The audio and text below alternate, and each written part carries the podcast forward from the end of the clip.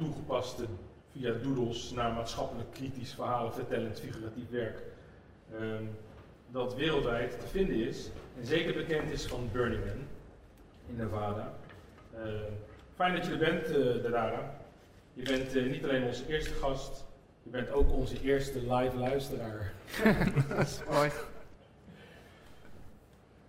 Ja, en zaten we dan op de Kunstacademie Rotterdam. Dan zag ik jou uh, een beetje achter in het lokaal.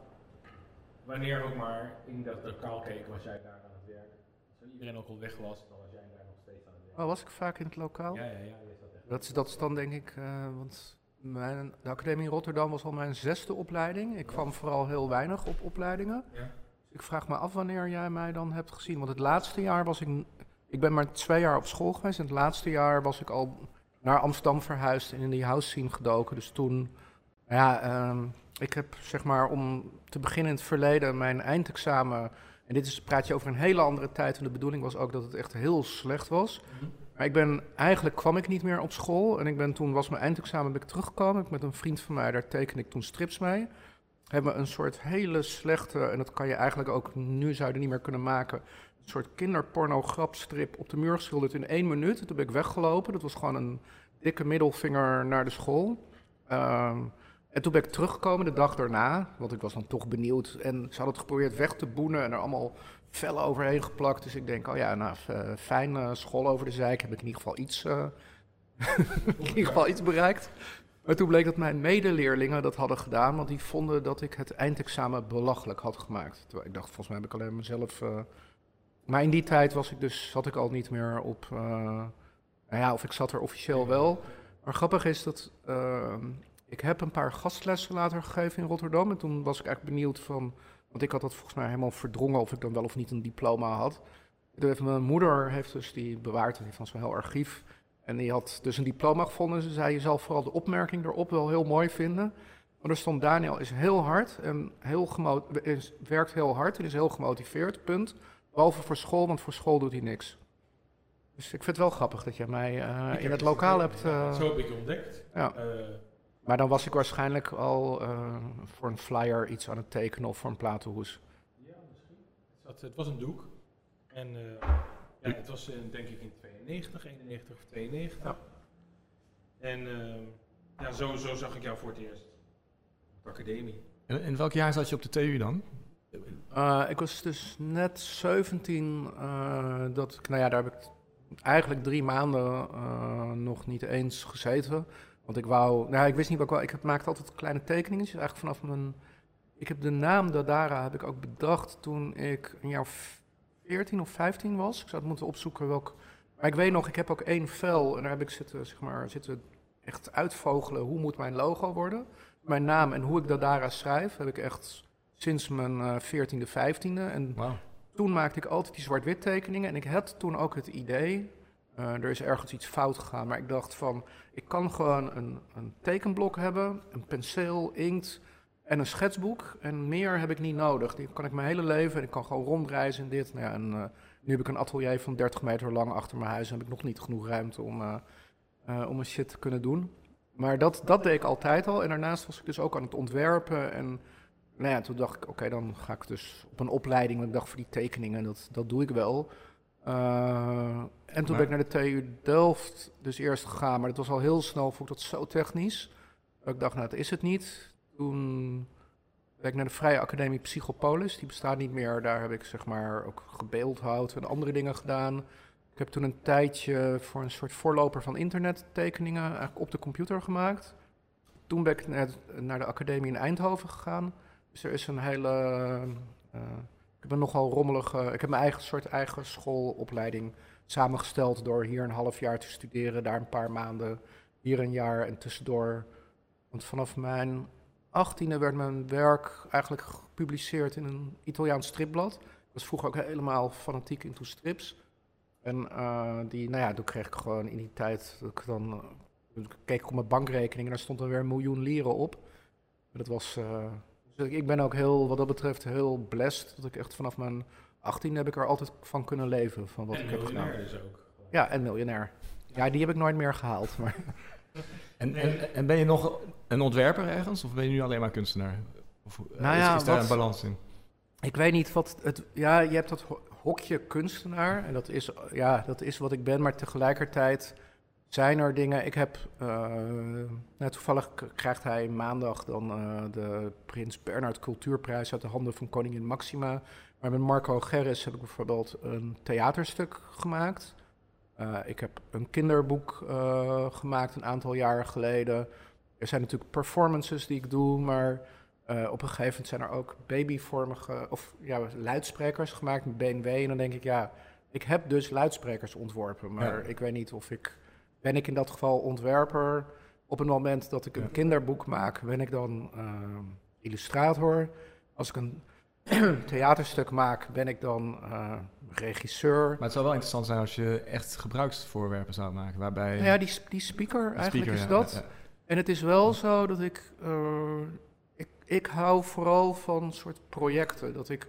Op een gegeven moment gebeurt er iets. En meestal is dat. Ja, ik vind toeval fascinerend. omdat het mijn hele leven. Daar gebeuren er dingen. Ik geloof meer dat het je ogen open houden is.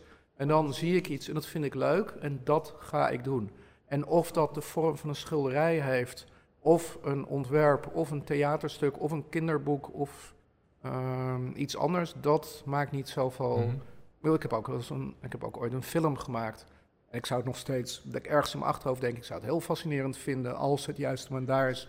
En het klopt om echt een speelfilm te maken. Of misschien ook ooit een boek te schrijven. Maar het moet gewoon eh, kloppen. Ik denk wat dat betreft dat kunst iets heel persoonlijk is. En een, de vorm waarin. eh, en ik, ik denk toch dat dat ontwerpen er op een bepaald. Want veel van mijn werk is. Ik bedoel, ik ben niet iemand die met verf smijt in zijn atelier. En het is altijd, er zit altijd een, eh, een element van ontwerp in. Ja. Dat, dat, dat heb ik ook altijd, omdat ik vroeger en tekende. Maar ja, inderdaad, op ruitjes papier dan... Ik weet nog dat ik een meubel ontworpen met dan voor een platenspeler. En dan stond die kast zo schuin, zodat de platen... eh, en dat werd dan helemaal blij. En dat ik auto's tekende met daaronder dan ook de 1,3 GS. En had ik elk type met eh, hoe groot de motor was. En ik ging dan elk jaar naar de auto rijden. En dan kwam ik met tassen terug. Dus ik vond dat... eh, maar alleen dat, ja, toen was ik 17 en toen had ik al die TU. En toen dacht ik, oh ja, dan moet je je met materialen gaan bezighouden. En eh, natuurkunde en weet ik veel. En toen was ik heel snel afgehaakt. Je bent niet, niet zo goed met opgelegde beperkingen, zo te horen. Dat je daarom misschien moeite had met een academie-context. Of dat je vaak, Ja, ik, vaak bent gewisseld. maar ja, dat, ik heb nog steeds zeg maar regels. ehm, regels en ik hebben, zoals Facebook het zou zeggen, complicated relationship. maar dat, dat heeft er al mijn hele leven, dat is, daar, dat is niet veranderd. En op Eindhoven, hoe was dat eh, daar? Ehm, nou ja, daar heb ik denk ik een van de beste lessen gehad die ik ooit gehad heb. En die kwam vooral omdat ik eh, moest na een paar maanden daar de rector komen. En eh, ik moest, mij werd verteld dat ik per direct van school af moest. Twee redenen. Eh, die man had, eh, had eigenlijk gewoon theater moeten gaan maken, want hij had er een heel toneelstuk van gemaakt. Hij zegt, het is overduidelijk dat je nul creatief talent hebt. En daarnaast heb je ook nog eens nul visueel talent. En ik zat daar, want het ik was net 18, was al mijn derde opleiding. En ik was al, het is toch mijn droom. En eh, toen zei hij, ja, je zou kunnen overwegen om boekhouder te worden. Toen had ik echt zoiets van, what the fuck. En toen zei hij, nee, niet dat ik weet of je dat wel kan. Maar dat is in ieder geval niet visueel en niet creatief. Dus dat zou je kunnen overwegen. Maar nu, grappig genoeg, achteraf gezien, denk ik dat... eh, nou ja, ik ben heel dankbaar daarvoor. Niet, ik vind het verder een. eh, ik denk hoe gefrustreerd kan je zijn als je als veertiger zo dit tegen een 18-jarige brengt. Maar het heeft mij geleerd dat de mening van iemand anders gewoon de mening van iemand anders is. En zeker als je kunstenaar bent en dingen doet die soms mixed feelings, controversiële reacties eh, oproepen, dan is dat ook prima dat je een project doet en sommige mensen vinden het verschrikkelijk en sommige mensen vinden het geweldig. En dat klopt allemaal, maar dat, maar dat is gewoon hun mening. En eh, die les heb ik eigenlijk heel jong gekregen. En ik heb, moet ook eerlijk zeggen, ik heb geen seconde gedacht, oh, maar ik ga dan boekhouder worden. Die, eh, dat ontwerpen heeft er wel ingezeten, maar boekhouden, ik vind nog steeds enveloppen openmaken zitten, is ook een hele moeilijke. Maar het heeft gezorgd voor een iconisch moment in je leven. Dat je het nu nog over hebt. Ja. Dus, eh, Nou ja, maar vooral dat ik dat terug, terugdenkend kijk, denk... Ja, nou ja, maar dat is ook... daar geloof ik ook altijd in dat idee van iets is goed of fout. Ik denk, nee, het is als iets gebeurt, dan, dan is dat, dan kan je wel denken, oh, Ja. was dat maar niet gebeurd? Of stel als. Het is gewoon gebeurd en het enige wat ik dan kan doen, is ermee dealen. Want dat vind ik ook, nou ja, eh, nu is er een tijdperk met corona en daar kan ik van alles van vinden. En ik denk, was het maar niet gebeurd, waarom dit, waarom dat? Maar het is er en het is, ik vind het veel interessanter om dan daarmee te dealen. Want toen Ja. het net begon, eh, begin maart, ik durfde mijn laptop niet eens eh, aan te doen. Want elke keer als ik mijn laptop aandeed, was het gewoon, dit is gecanceld. Dat project met het hotel gaat niet door. Die lezing gaat niet door. Ja. En toen was als laatste, ik zou een groot project op Boom Festival doen. En dat was ook onze vakantie en alles. Nou, ging ook niet door. En toen was er een, even een soort op... Nou ja, en ik heb mijn benedenverdieping van mijn huis is een Airbnb. Dus die inkomst was in één keer ook bam weg. Toen heb ik echt drie dagen, heb ik echt zo soort alsof ik eh knock-out geslagen was op de bank gezeten. Maar ja, ik liep in de stad en alles was zo mooi in Amsterdam plotseling. Die stilte. En toen dacht ik, wauw. En het voordeel was, omdat alles gecanceld was, dat was ook een opluchting. Ik denk, ha, ik kan geen mails meer krijgen dat er ja. iets gecanceld wordt, want alles is al Ja. gecanceld. Nou, ik kan ook geen mails meer krijgen dat er nog inkomsten komen van die Airbnb-shows. Dat is ook duidelijk gewoon. Maar de stad, er waren, en ik ben toen allemaal dingen in de stad gaan doen. En nu heb ik dus een expo. En die expo was er dus nooit gekomen zonder corona. Al die samenwerkingen waren niet gekomen. Al die dingen in de stad. Het is dus een cadeau dat ik gewoon op een leeg museumplein dingen heb kunnen doen. In een peeskamertje op de Wallen, op de Adam. Dat was allemaal... Ik, ik, ik heb, ben gewoon de hoofdact in de grote zaal van Paradiso geweest op een vrijdagavond. ja, dat zag ik op YouTube. Ja. En Dus- wat heb je op Museumplein gedaan? Nou, op- nou, het was eigenlijk toen was net eh, die, die, die, die hele corona en die eerste lockdown.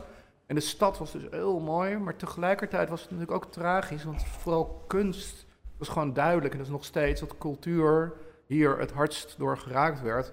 En alle musea waren dicht. Toen wou ik eigenlijk iets zichtbaar maken van wat gebeurt er in deze wereld als er geen kunst meer is. En ik heb toen een tafel en twee stoelen op een podium eh, neergezet.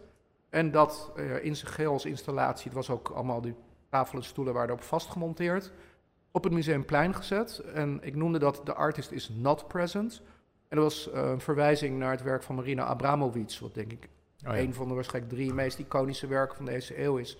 Waar zij in een rode jurk aan, en die tafel is ook duidelijk een verwijzing naar die tafel en die stoelen, zit. En elke minuut in het Museum of Modern Art komt er iemand anders tegenover haar zitten. Ja.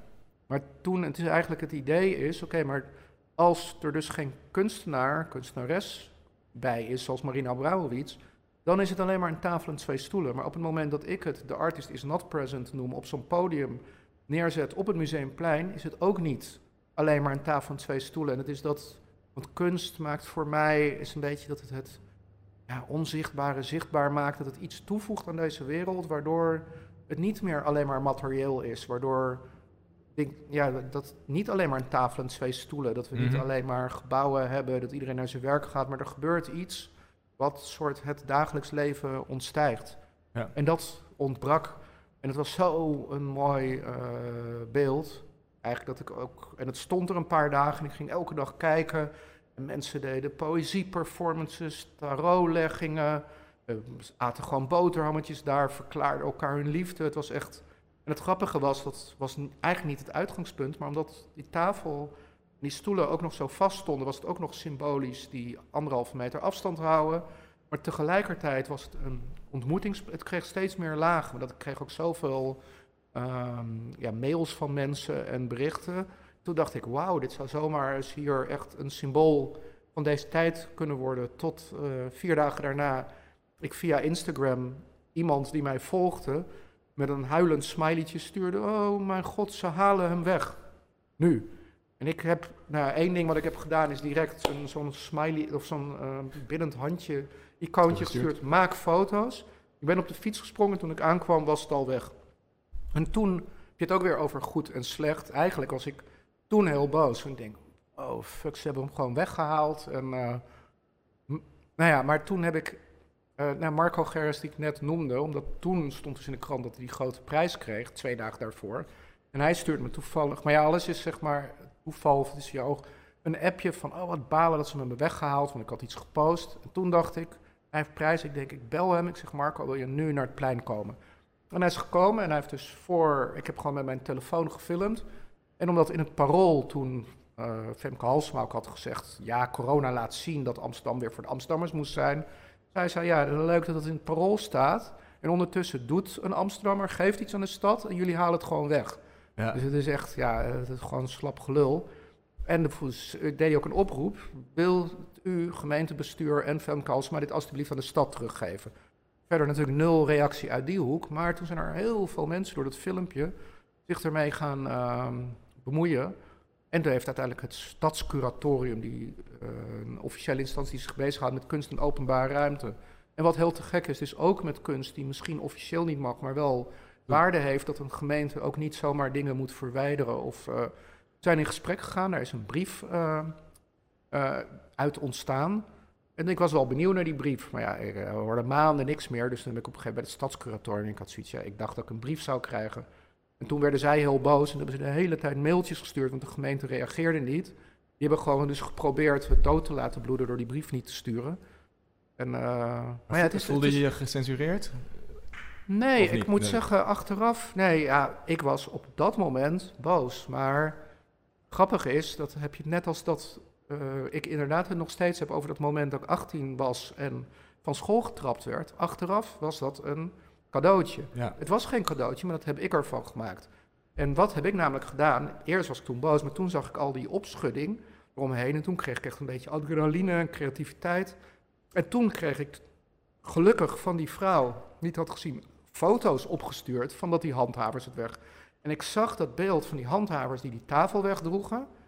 En toen besefte ik, wauw, dit is dus inderdaad ook een, in plaats van dat ik boos moest zijn, dit is een cadeau. Want de artist is not present, die weggedragen wordt Ja, door de handhavers. En dat, voegt een. Die had ik dus nooit zelf. En, en het mooie is van kunst in openbare ruimte. Kijk, op het moment dat je iets in een galerie of een museum zet, dan is het duidelijk voor oh, het is kunst. Maar in een openbare ruimte is het ook niet meer.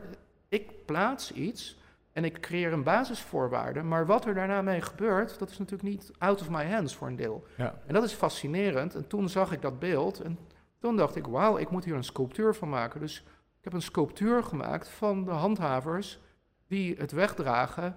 En ja, ik heb eh, 400 euro boete moeten betalen, maar dat ik dan denk... Echt waar, ja? Ja, ja dat... eh, Omdat je iets in het openbaar ruimte hebt. Nee, het is omdat het is weggehaald. En het is net als dat je je auto op een invalide Ja, ja. wegplek... eh, ik heb hem ook op moeten halen. Op, hij stond ook op twee parkeerplaatsen bij het depot. Maar eh, ja, het is... Maar ja, ik bedoel, voor 400 euro heb, heb ik. Kosten, jongens. Ja, Op de, toast op Ja. de ja, op de handhavers op de handhavers. die eh, mij voor 400 euro een prachtige performance hebben verzorgd. Ja. Ja, dat is prikkie eigenlijk.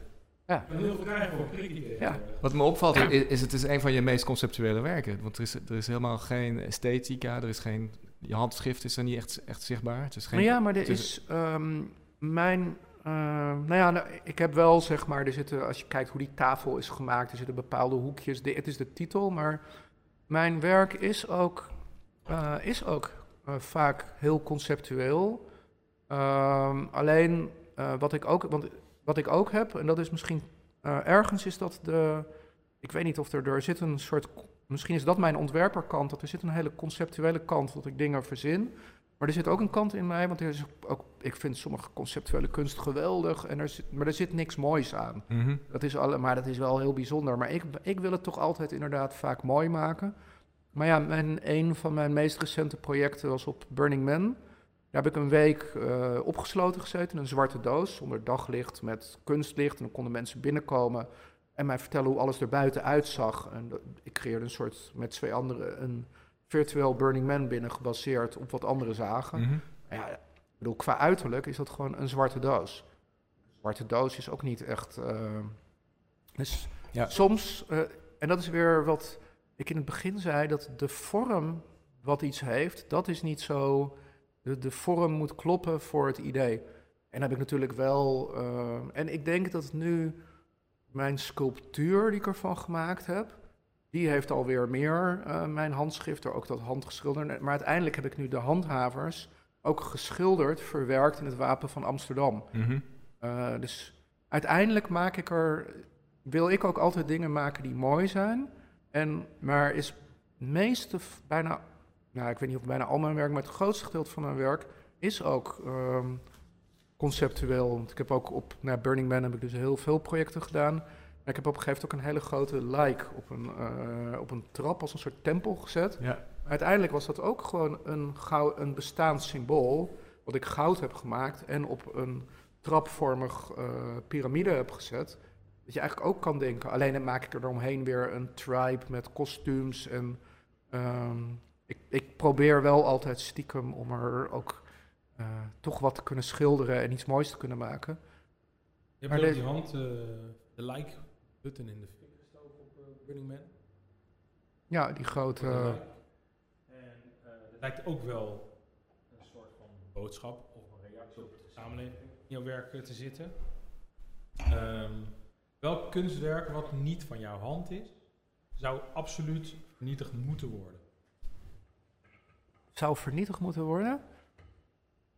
Oh nee, maar ik, ik, ik, vind dat. eh, ik kan een mening hebben over dingen, maar ik vind dat helemaal niet iets. Maar stel je moet kiezen, er moet, één, moet, er moet een kunstwerk weg. Welke zou het moeten Ja, maar er moet voor mij helemaal geen kunstwerk. Dat is eh, de vraag is dat natuurlijk wel grappig dat we zeggen.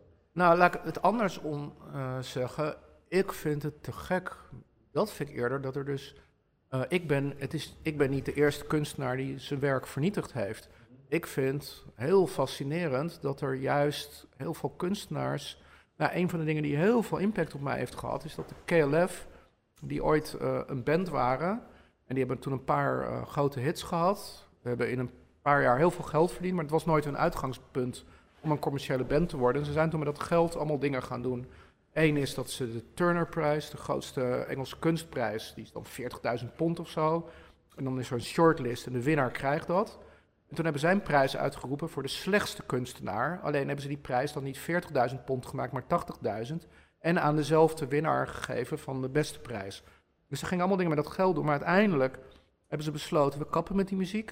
We hebben na drie jaar carrière of zo, hebben ze ook bij de MTV Awards, hadden ze een soort losse flodders naar boven geschoten. Ze hebben een backcatalog vernietigd. Ze, hadden nog, ze hebben belasting betaald over alles wat ze verdiend hadden. hadden een miljoen Britse pond over. En die zijn ze naar een klein eilandje gegaan, hebben een journalist meegenomen en één iemand met een camera. En hebben dat verbrand in de open haard.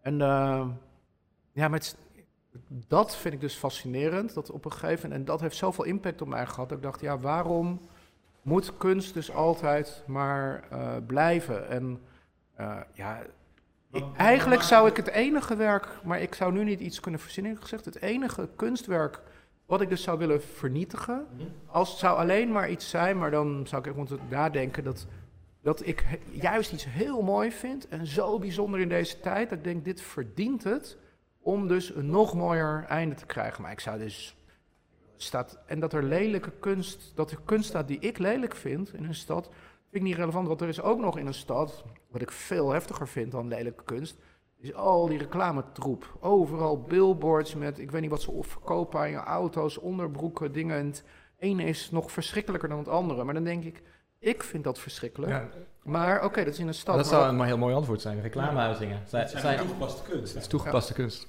Nou, ik vind dat echt, ik vind dat niet echt kunst hoor.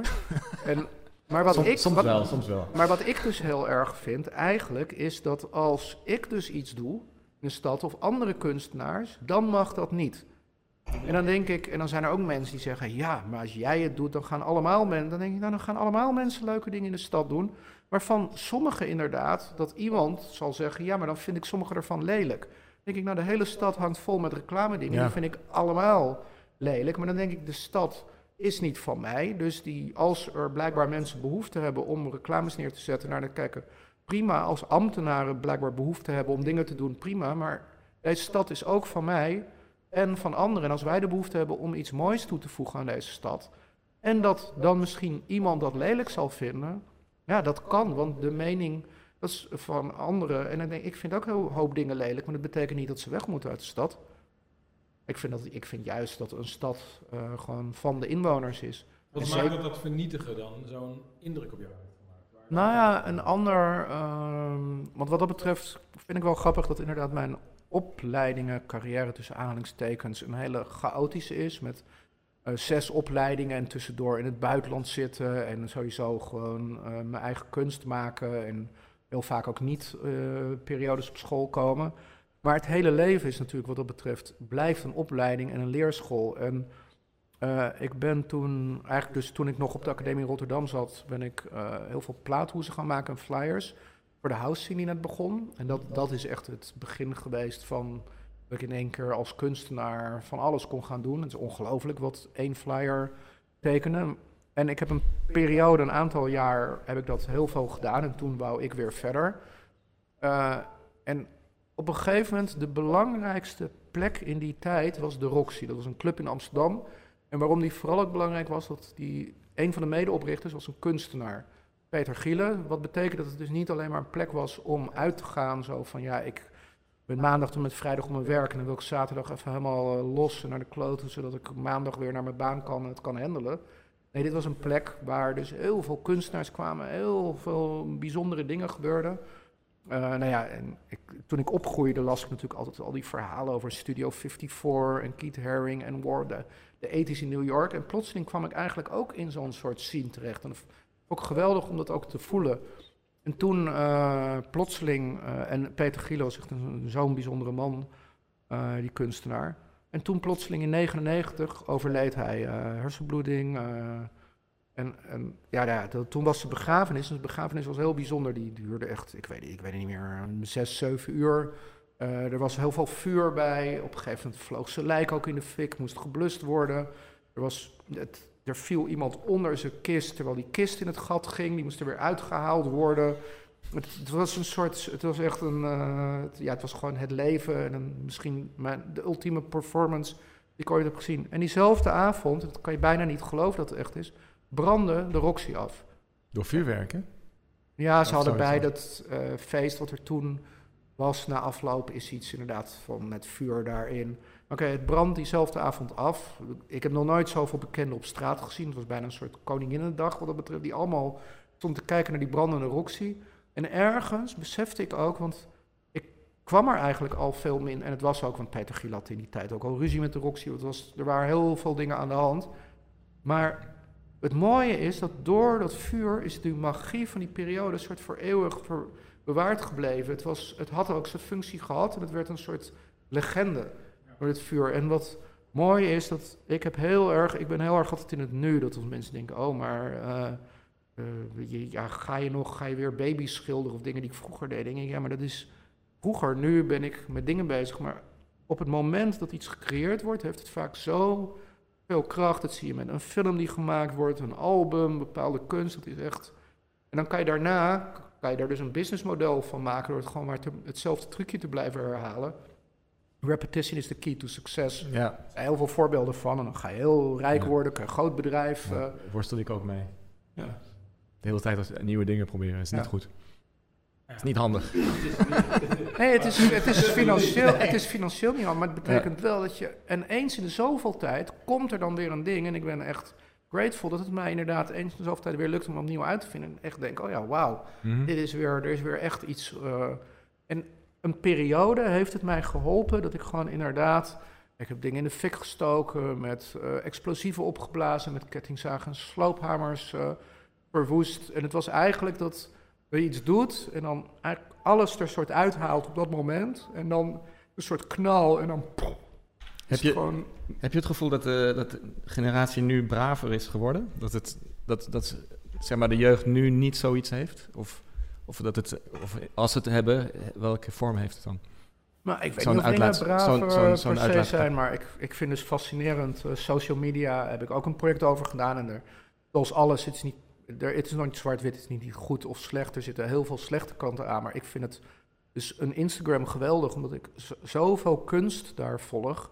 Uh, terwijl ik, Facebook is heel vermoeiend, want iedereen post dan. En uh, ze, dat een kind weer zwemdiploma A heeft, wat ze hebben gegeten wat ze van corona vinden. En op een gegeven moment naar dingen te kijken. Je wordt alleen maar. En dan ga ik naar Instagram en dan zie ik zoveel mensen bijzondere dingen doen.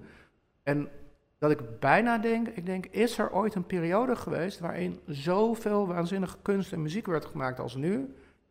En niet, ik denk, dus het, het, het, is niet zo. Ik denk tegelijkertijd is het nu een periode. Misschien er gebeuren meer bijzondere dingen dan ever. En tegelijkertijd is er inderdaad een soort, uh, ja, dat ik ook in Amsterdam rondloop en denk, nou, de wilde stad waar ik kwam, waar ik moest gaan wonen. Want ik had eigenlijk zoiets, Berlijn deed ik heel veel, maar Berlijn was misschien net een tikje te wild. Dus ik dacht, oké, dat, dat is leuk om continu projecten te doen.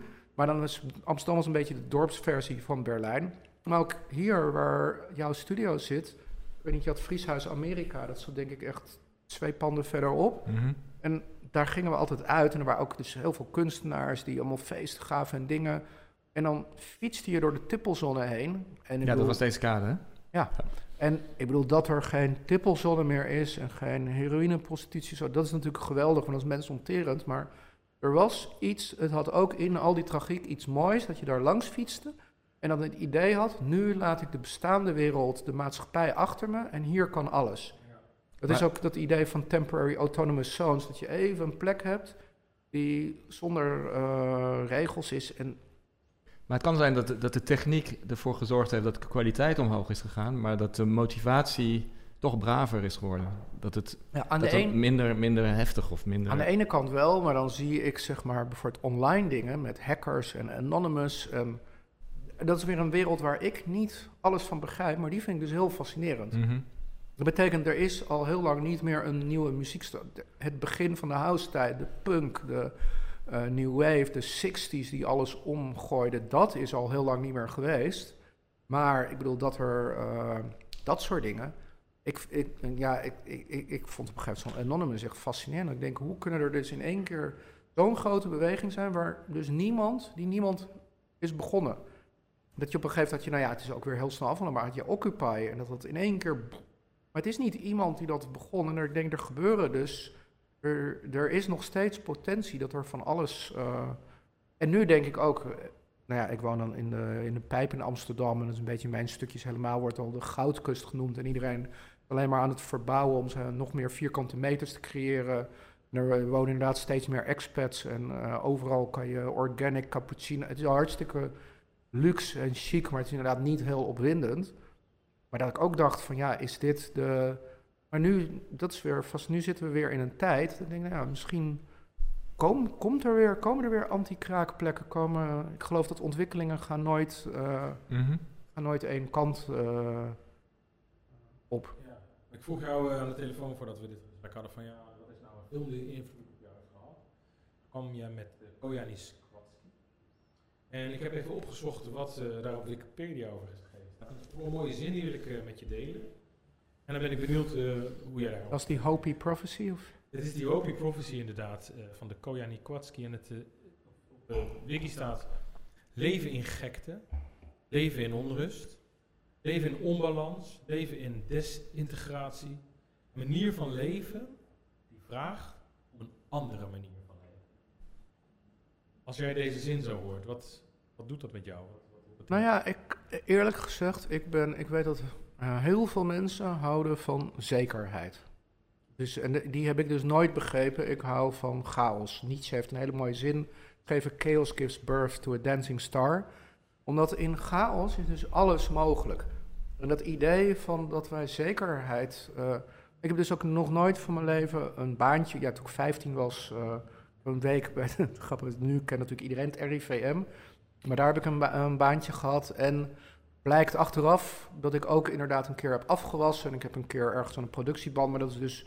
eh, ik heb vijf dagen werk op mijn vijftiende gedaan. En daarna. En toen heb ik ook echt besloten, op die leeftijd al. Ik wil nooit meer voor iemand werken. En dat mensen zeggen dan altijd. Ja, maar dan. Voor toen ik ook een kind kreeg. Dan denken ze. Ja, maar hoe kan je dan zo leven? Want je moet toch zekerheid hebben. Dat hele idee dat wij ons leven eh, zeker kunnen maken. Dat het leven is chaos en er gebeuren altijd dingen die onvoorspelbaar zijn.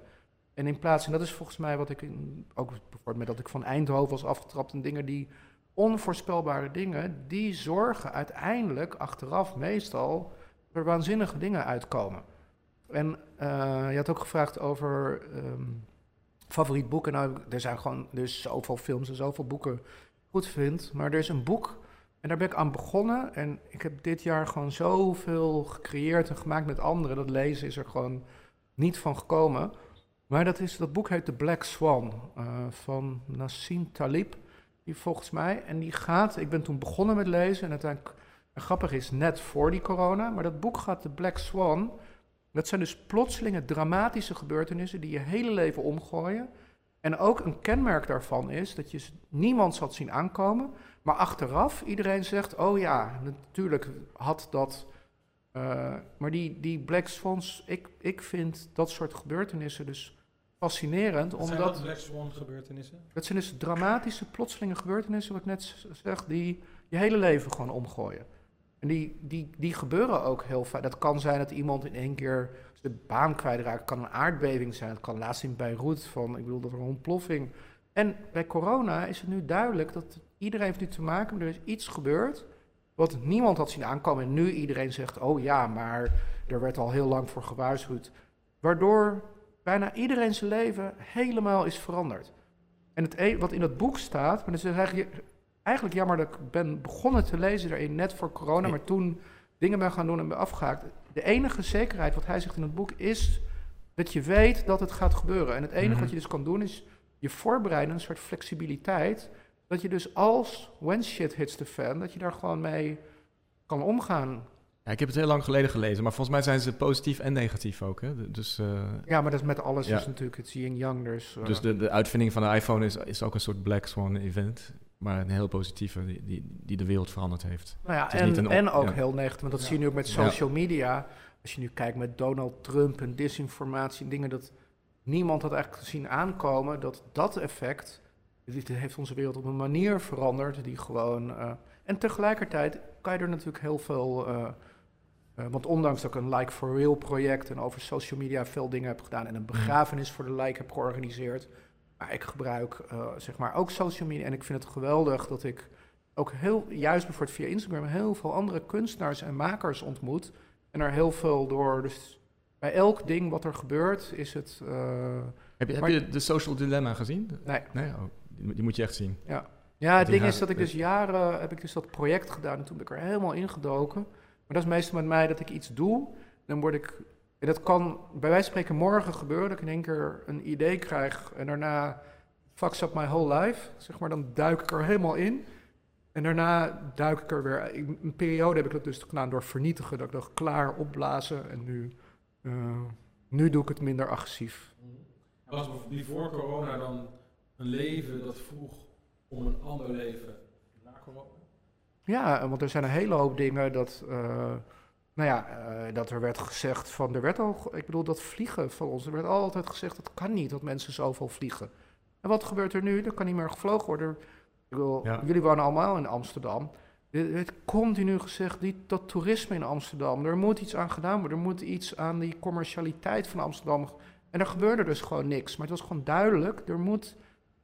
Voor mij ook, ik heb die I Amsterdam letters niet voor niets, zeg maar, ook met een guerrilla-actie toen helemaal ingepakt. Maar ik dacht, hoezo City Market? Het is gewoon belachelijk dat je daar geld in stopt en niet in bijvoorbeeld zorgen dat, wat ik baal, dat zeg maar als ik iets doe, het is wel vaker, dat is wel altijd, komt de gemeente weer aan en dan eh, krijg ik weer of een reprimande of een boete. En dan denk ik, in plaats van daar je ener, je zou beter energie kunnen stoppen in al die mensen die bijzondere dingen in deze stad doen. In ieder geval gewoon met rust laten in plaats van eh, een soort reclamebureau, een marketingcampagne laten bedenken. Dus er was al heel lang duidelijk dat aan het toerisme wat moest gebeuren. En nu is er plotseling, en dat vind ik dus heel fascinerend, zijn ze dus weg en wordt er nu ook veel uitdrukkelijker. Maar ik ben dan benieuwd, is dit dan het moment dat het echt gaat gebeuren? Dat we inderdaad gaan zeggen, aan deze stad moet nu van zijn eigen kracht uitgaan. Maar ik denk, misschien is dus die chaos inderdaad nodig om duidelijk te maken. Jullie praten nu al, iedereen praat al jaren erover dat het zo niet verder kan. En nu is het gewoon, of moet het dan nog heftiger worden voordat. eh, ik hoor jou zeggen, is dit dan het moment dat het gaat gebeuren? Kun je iets meer vertellen over wat het is dat zou kunnen gaan gebeuren? Wat is dan, als je het mag schetsen? Als je het mag Nee, nee, het is gewoon in het kader van eh, wat ik net zeg, nadenken over dat toerisme, dat een stad moet uitgaan van zijn eigen kracht en niet meer alleen maar daarop inzetten. Nou, dat, eh, dat iedereen het erover heeft, dat vliegen kan niet meer. Ik denk, nu is het moment dat alles waar, er zijn nog honderdduizend andere dingen waar mensen het dan de hele tijd over hebben. En dat er gezegd wordt, ja, we moeten er iets aan doen. Nou, bam. Ja. Maar nu vliegen we niet. Wat, wat komt er voor in de plaats? Of wat, wat is next? Wat, Wat, wat, wat, wat voor Ja, zin? nee, ik ben geen futuroloog. Ik, bedoel, eh, ik vind het al hartstikke leuk, futurologen, dat ze denken dat ze de toekomst kunnen voorspellen. Ik kan het niet voorspellen, maar ik vind het veel interessanter. Eh, wat ik eigenlijk ook kunst vind, dus te gek, dat het vragen kan stellen. Maar ik lever geen oplossing. Ik vind überhaupt dat mensen denken dat ze oplossingen. Ik denk, heb je een ego. Ik denk dat je echt, dat ik zou denken dat ik, dat ik de wereld kan veranderen. Maar wat ik wel, en de, want de wereld is chaos. En het mooie is dat als ik iets doe, dan zeggen mensen altijd: wat verwacht je dat er, dat vraag jij nu, wat verwacht je dat er gebeurt? En denk ik, ik kan enige, ik voel dat ik iets moet doen en dan doe ik dat. Maar wat er daarna gebeurt, dat vind ik zo mooi. De wereld is zo gecompliceerd en zo chaotisch dat ik voeg dan iets toe en dan gaan er dingen. En het mooie is dat er dingen gaan. Maar wat er precies gaat gebeuren, dat is te. eh, te nou ja, er is eh, Alan Moore die ehm V for Vendetta film heeft geschreven. Die had ook een, eh, ik zou die quote precies moeten kennen, maar over complottheorieën, dat dat nu zo heerst. Die zegt op een gegeven moment, zegt, ja, het is voor mensen is het heel moeilijk te accepteren dat er chaos is. Mhm. Dus hebben ze liever dat er dan een theorie is dat er allemaal Joodse reptielen, zeg maar, dit allemaal hebben veroorzaakt. Maar dan heb je in ieder geval, dan weet je, oh, dat is er gewoon aan de hand. Maar dat er dus gewoon, dat het veel ingewikkelder is en chaotischer. Dus, dat, dus eigenlijk is het een soort religie complot denken. Want religie is ook een manier om dingen uit te leggen die je niet snapt. Ja, nou ja, het maakt, we hebben natuurlijk ook, ehm, ik heb dus een boek wat ik wel heb gelezen vorig jaar, Homo Deus, dus ook had over dat de mensheid blijkbaar verhalen nodig heeft en dat die ons ook weer verder brengen. En dat Mhm. eerst was er religie, dan was er bijvoorbeeld ook het geld, is ook een verhaal. We hebben allemaal, wij leven al heel lang met human constructs, want ik heb ook een project over geld gedaan. Ik, ik heb dus nooit begrepen waarom mensen alles doen voor geld. Mhm. En ik denk, dat is het is nou gewoon een verzinsel geld.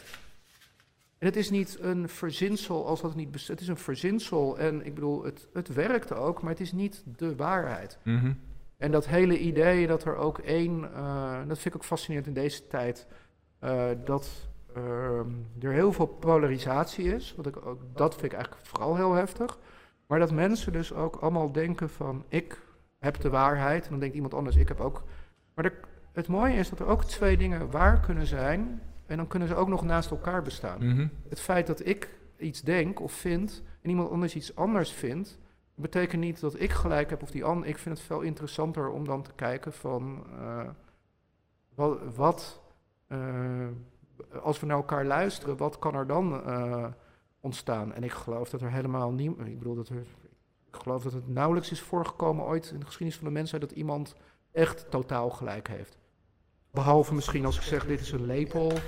Voor kleine dingetjes denk je oké, maar bij grotere dingen, het, het, het is nooit zwart-wit. maar wat wel weer moeilijk vind van social media is dat mensen denken dat als ze een YouTube-filmpje hebben gezien van die iemand anders heeft gepost, dat dat. nou ja, en het is natuurlijk het. Ik heb de social dilemma niet gezien, maar ik vermoed dat de filter, social filterbubbel daar ook in voorkomt. Nou, het gaat over hoe, hoe ze heel bewust je eh, verslaafd maken. Dus de, hele strategie van Facebook, Oh ja, Twitter en, de, en maar die ken ik, er zijn zelfs eh, in die tijd ook Like for Real Day, dus een jaar geleden. Toen waren er ook congressen en die gingen erover over hoe je mensen verslaafd. Verslavingsdeskundigen die dat gestudeerd hebben, vroeger gingen ze naar het Jellinek, wat heel mooi is, want dan help je dus iemand die verslaafd is van zijn verslaving af te komen. Maar op een gegeven moment werden dat soort mensen dus gerecruit door de Facebook. Ja, dan kan je dus voor, eh, weet ik veel, 2000 euro per maand bij het Jellinek gaan werken. Maar als je heel goed bent, komt Facebook en die zeggen, nou, als wij nou je salaris verdriedubbelen, kom je dan bij ons werken, maar niet om mensen van een verslaving af te helpen, maar om ons Ja, te helpen. ja. Ja, het is. eh, nee, maar dat, dat was grappig is dat ik daar. Dus, nou, lijkt voor je heb ik het zeven jaar geleden gedaan. Ik heel fascinerend, al die technieken. Maar de social media babbel, die eh, dat. Eh, en dat maakt het heel moeilijk. Ik, vind het, ik, ik hou van de mening van anderen. En dat ik eh, ook zie dat er an- Ja. andere dingen. En dat ik in verschillende werelden eh, kom. En dat wordt natuurlijk steeds moeilijker als ik nu iets vind krijg ik dus alleen maar te zien dat iedereen om mij heen dat ook vindt. En dan krijg ik links te Ja, zien. precies, en, ja, en dan wordt het natuurlijk heel moeilijk om. Eh, want ik, ik geloof ook dat soms heb ik een mening over dingen. En, Je wordt, Dan kan je wordt geïsoleerd in een klankkast. ja, en dan kan iemand er anders me iets anders laten zien. Dan denk ik, oh ja, het is. Dat vind ik ook het mooie van eigenlijk wetenschap. Dat het is altijd waar tot het tegendeel bewezen is. En dat je altijd. eh, maar dat je dus ook in discussie kan met iemand die het niet met jou eens en dan daarvan uh, leren. En dan denk je, oh, maar misschien heeft hij daar een punt. Maar dan denk je, je hebt daar wel een punt. Maar, uh, en dan, dan brengt discussie uh, mensen dichter bij elkaar. Maar ik heb dat. als, je, als je de like-symbool verbrandt, ben je niet bang dat mensen denken dat je, dat je gewoon het hele social media afkeurt? Of dat je denkt van ik wil naar een wereld zonder social media? Nee, maar dat, heb ik toen ook duidelijk altijd uh, gemaakt. Dat, ik, ik, zou het on, ja, ik vind het sowieso onzin om terug te gaan. Ik bedoel, vroeger... Nou, ik zat er nou juist wel aan te denken, want we zitten nu, je kan pas als je terugkijkt eigenlijk hier van wat was er aan de hand. En dit is wel een mooi voorbeeld. We hebben nu de social dilemma. Het is vrij actueel wat daar dan verslaving en wat het effect heeft op de samenleving en wat er een effect is. En jij hebt in 2007 de, de like-button verbrand. Um, dus in retrospectief heb je toen iets gevoeld Waardoor je dacht, ik moet dit doen, zoals je net zegt. Ik doe dingen op het moment dat ik denk, nu moet dit gebeuren. Ja. voor jou moest je toen de like-button verbranden. Ik was toen zelf nog een soort van blij met de like-button. Oh leuk, Facebook heeft een like-button. Oh, Daniel heeft hem al uh, verbrand. fantastisch, daar is wat aan de hand. Ja, nou ja, het grappige is... Wat er aan de hand als je nu terugkijkt? Het grappige is, dat was 2013. Toen heb ik op Burning Man uh, die, die, die grote uh, like op een um, platform neergezet. Dus 15 meter hoog. En uh, het is denk ik een van de meest gehate controversiële projecten ooit op Burning Man geweest. Want Burning Man heeft dan één. Die hebben dus ook, wat ik al eerder zei, ik heb het best wel zwaar met regels. Maar die hebben dan plots.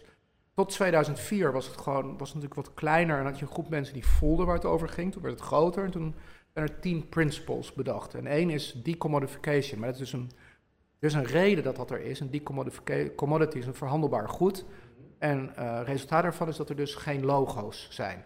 Ja, daar gaan dus allemaal mensen heen, die hebben dan een reclamebureau en die denken, oh leuk, ik ga even wel eh, laten inspireren daar. En dan plakken ze het Heineken-logo op een flesje af en dan denk je, ja, maar daar gaat het gaat verder. En iedereen werd dus boos, want er stond dus een, uitgelicht ook nog op echt de plek tussen de tempel en de man, de meest visuele plek, stond er dus een heel grote like. Dus werden ze daar heel boos om. En grappig is dat, dan zijn we nu, zeg maar, zeven jaar later en Burning Man heeft dus heel erg zwaar, doordat er allemaal influencers en dat hun verhaal dus ondersneeuwt in daarin. En nu krijg ik dus allemaal berichten, mensen die zeggen, oh wauw, maar daar ging het dus over. En dat ik ook dacht van ja, dude, in plaats van boos worden op mij, had je misschien beter inderdaad boos kunnen worden en dan denken, waarom ben ik boos? En nadenken over uh, wat inderdaad die like veroorzaakt. En ik, maar ik ben nooit anti-social media geweest. Maar voorzag je dan al je hebt dan een gevoel van, nou, ik ga dat maken. Maar zit er dan ook al een gevoel bij van, er zit kracht of spanning op? Of ik voorzie dat daar meer mee gaat. Hoe, hoe nou voelt dat dan op zo'n Wat kunst, die heb ik volgens mij hier net ook gezet, is dat het het onzichtbare zichtbaar maakt. En dat is, dat is voor mij, denk ik, de grootste kracht van kunst. Dat het, er is iets, dat is er al. En kunstenaars kunnen op een of andere manier dat al wat eerder voelen en iets zichtbaar maken waardoor anderen het ook kunnen voelen. En dat je dan, en dat is nou ja, het, ook het woord tijdsgeest. Tijdsgeest bestaat, alleen het is niet tastbaar. Het is niet, is niet dat je als wetenschapper kan meten, oh, er is nu een molecuul dit en dus dat is de tijdsgeest. En dat is voor mij dus wat kunst kan, iets wat er al is, gewoon uh, zichtbaar uh, maken en daardoor misschien voelbaarder dus voor meer mensen. Dat, jij werkt heel erg met je gevoel. Ja. En ik merk inderdaad terugkijkend dat met, nee, maar ook toen een hele, heel lang dan voor die uh, like, dat zeg maar die house opkwam, dat ik dus iets voelde van hé, hey, hier gebeurt iets wat gewoon echt happening is, maar tegelijkertijd, en daar komt weer ook mijn achtergrond in, toen ik 12 was, boven mijn bed hingen allemaal platenhoezen, de banaan van Warhol voor de Velvet Underground, dat vond ik geweldig. En toen was ik volgens mij 16, toen kwam de CD en toen stortte een beetje mijn wereld in, want ik had altijd gedacht, ik ga later plaathoezen maken. Toen waren de plaathoezen, waar die stomme CD's er. Maar toen kwam dus uh, die house, maar eerst kwam die, uh, nou ja, en ik was al begonnen met heel veel illegale feesten en dingen heen gaan en ik voelde die energie, maar ik dacht, het is zo raar, want het heeft geen beeld. En dat punk had voor mij een beeld, de 60s, waar het was ook duidelijk gewoon dit ik bedoel, al die psychedelische posters. Ik bedoel, alleen al de hoes van Nevermind the Bollocks, hier is de Sex Pistols. Weet je, punk had... Het, je voelde, je kon het zien en je voelde wat het was. En ik dacht ik, House heeft dit niet. En ik heb toen echt bewust gedacht, ik moet, ik moet dit zichtbaar gaan maken. En achteraf gezien denk je inderdaad, heb ik dan iets gevoeld wat later, maar zelfs dat ik op Burning Man in een zwarte doos ben gaan zitten, dat dat over een virtueel Burning Man ging. Dat was 2017. Wat gebeurt er dit jaar? Er is corona, er is geen Burning Man, omdat Burning Man echt uit een tech-community komt. Zij zijn gigantisch veel energie, geld, tijd. Er kwam een virtueel Burning Man. Maar ik, bedoel, ik heb geen glazen bol, maar je voelt dingen die gewoon... Nou, die, het is niet voorvoelen, want ze gebeuren, alleen ze zijn nog niet zo groot zichtbaar. Ja. Maar ze zijn er uh, al. Ziet het en je gaat ermee Ja. Ja. Even kijken, wat hebben we nog? De toekomst. Het is hebben over de toekomst. Je zei net, ik ben geen, uh, geen visionair en, uh, en ook geen uh, futuroloog. Nee. Maar het is toch misschien leuk om een beetje te fantaseren over de toekomst. Nou ja, voor het futuroloog, ik vind het zo grappig dat... Um, dus er zijn... in de jaren 60 waren er allemaal plaatjes hoe de wereld er in 2020 uit ging zien. En we hadden allemaal auto's die door de lucht vlogen. En, maar er is geen één plaatje, ever, Waar dus gewoon staat dat er allemaal mensen in de stad lopen. En die hebben allemaal een dingetje in hun hand. En die staan allemaal zo. Dus is, het leuke is dat alles zo complex is dat het niet. Uh, ik, ik hou om die reden ook heel erg van het nu. Ik heb vooral, want mensen vragen, dat is ook zo'n standaard vraag, waar zie je jezelf over vijf jaar? Dan denk ik, ja, vraag mij dat over vier en een half jaar. Ik denk, ik, want het zou mij ook beperken als ik nu denk, over vijf jaar wil ik daar zijn. Mm -hmm ik heb dat ook altijd als ik projecten doe, zit er ook een hele uh, grote uh, dat as, uh, aspect van uncertainty in, van onzeker dat ik een basisidee heb en dan ga ik het gewoon doen. Want ik weet dat er dan allemaal dingen ontstaan en het eindresultaat is altijd, dat weet ik niet precies hoe dat wordt. Waardoor ik het ook spannend vind om te doen. Want er zijn ook mensen die werken anders, die hebben dan een idee, dan moet dit, en dan hebben ze helemaal uitgeschetst gedaan. En dan denken ze, dit moet er over een jaar staan. Maar dan denk ik, ja, maar ik heb het al dan weet ik het al. Dus dit, uh, en ik moet zeggen, deze, wat ik fascinerend vind, deze hele expo die ik nu uh, uh, heb gemaakt, en nou ja, bij jullie geweest zijn bij Cogix Bos, en waarin al die samenwerkingen met en uh, DevP en Schiefmacher en Bas Kosters en Laser en, en, en de artist is not present en dat de handhavers hebben weggehaald en dat ik op het dak van de Aanam-toren een foto met mijn vriendin heb gemaakt en dat we alle, al die dingen wist ik acht, ik wist acht maanden geleden niet dat ik dit zou gaan doen. En dat, dat is wat ik zo fascinerend van de toekomst vind. Dat ik alleen maar open kan staan en uh, probeer mijn ogen open te... Ik denk dat dat het eigenlijk is, want ik heb altijd zoiets dat ik geloof niet in toeval. En, maar ik geloof meer dat het is je ogen open hebben, want veel dingen worden als toeval gezien. Maar het is weer die complexiteit van de wereld met al die miljarden mensen, dingen, er overal zitten verbanden tussen. Mm maar veel mensen zijn, zijn zo geconditioneerd in onze maatschappij dat we hebben een agenda. Ik heb nog nooit van mijn leven een agenda gehad, ook geen digitale. We gaan van A naar B. En dan moeten we dus bij B aankomen. Maar onderweg zijn er dus zoveel meer die misschien veel interessanter zijn. En ik geloof dus meer in wel dingen doen. Want als ik gewoon op de bank ga, blijf zitten, dan gebeurt er zeker geen toeval. En dat ik dus wel plannen heb, maar dan ga ik daarheen en dan onderweg gebeurt er van alles. En door mijn ogen open te hebben, kan ik dan uh, voelen waar, uh, waar het heen gaat. Heb je al een gevoel bij artificial intelligence? Waar dat heen gaat? Uh, of, die, niet, of, of heb je, denk je daar niet over na? Wel, ik heb, nou ja, ik heb bij toen ik die, het project van die zwarte doos deed, toen ben ik echt een jaar ook heel erg in VR gedoken. En toen ben ik wel begonnen met boeken lezen. Ik heb Neuromancer van William Gibson, Snowcrash van Ian Stephenson en Ready Player One. Dat waren allemaal boeken over als wij dus straks in een virtuele. Maar dat, ik, ik vind AI. Ik bedoel, ik zou er dan echt in moeten duiken. Dat vind ik dan wel om een mening over te hebben. En, uh, maar zoals, met, zoals echt met social media is het iets wat hele goede kanten heeft.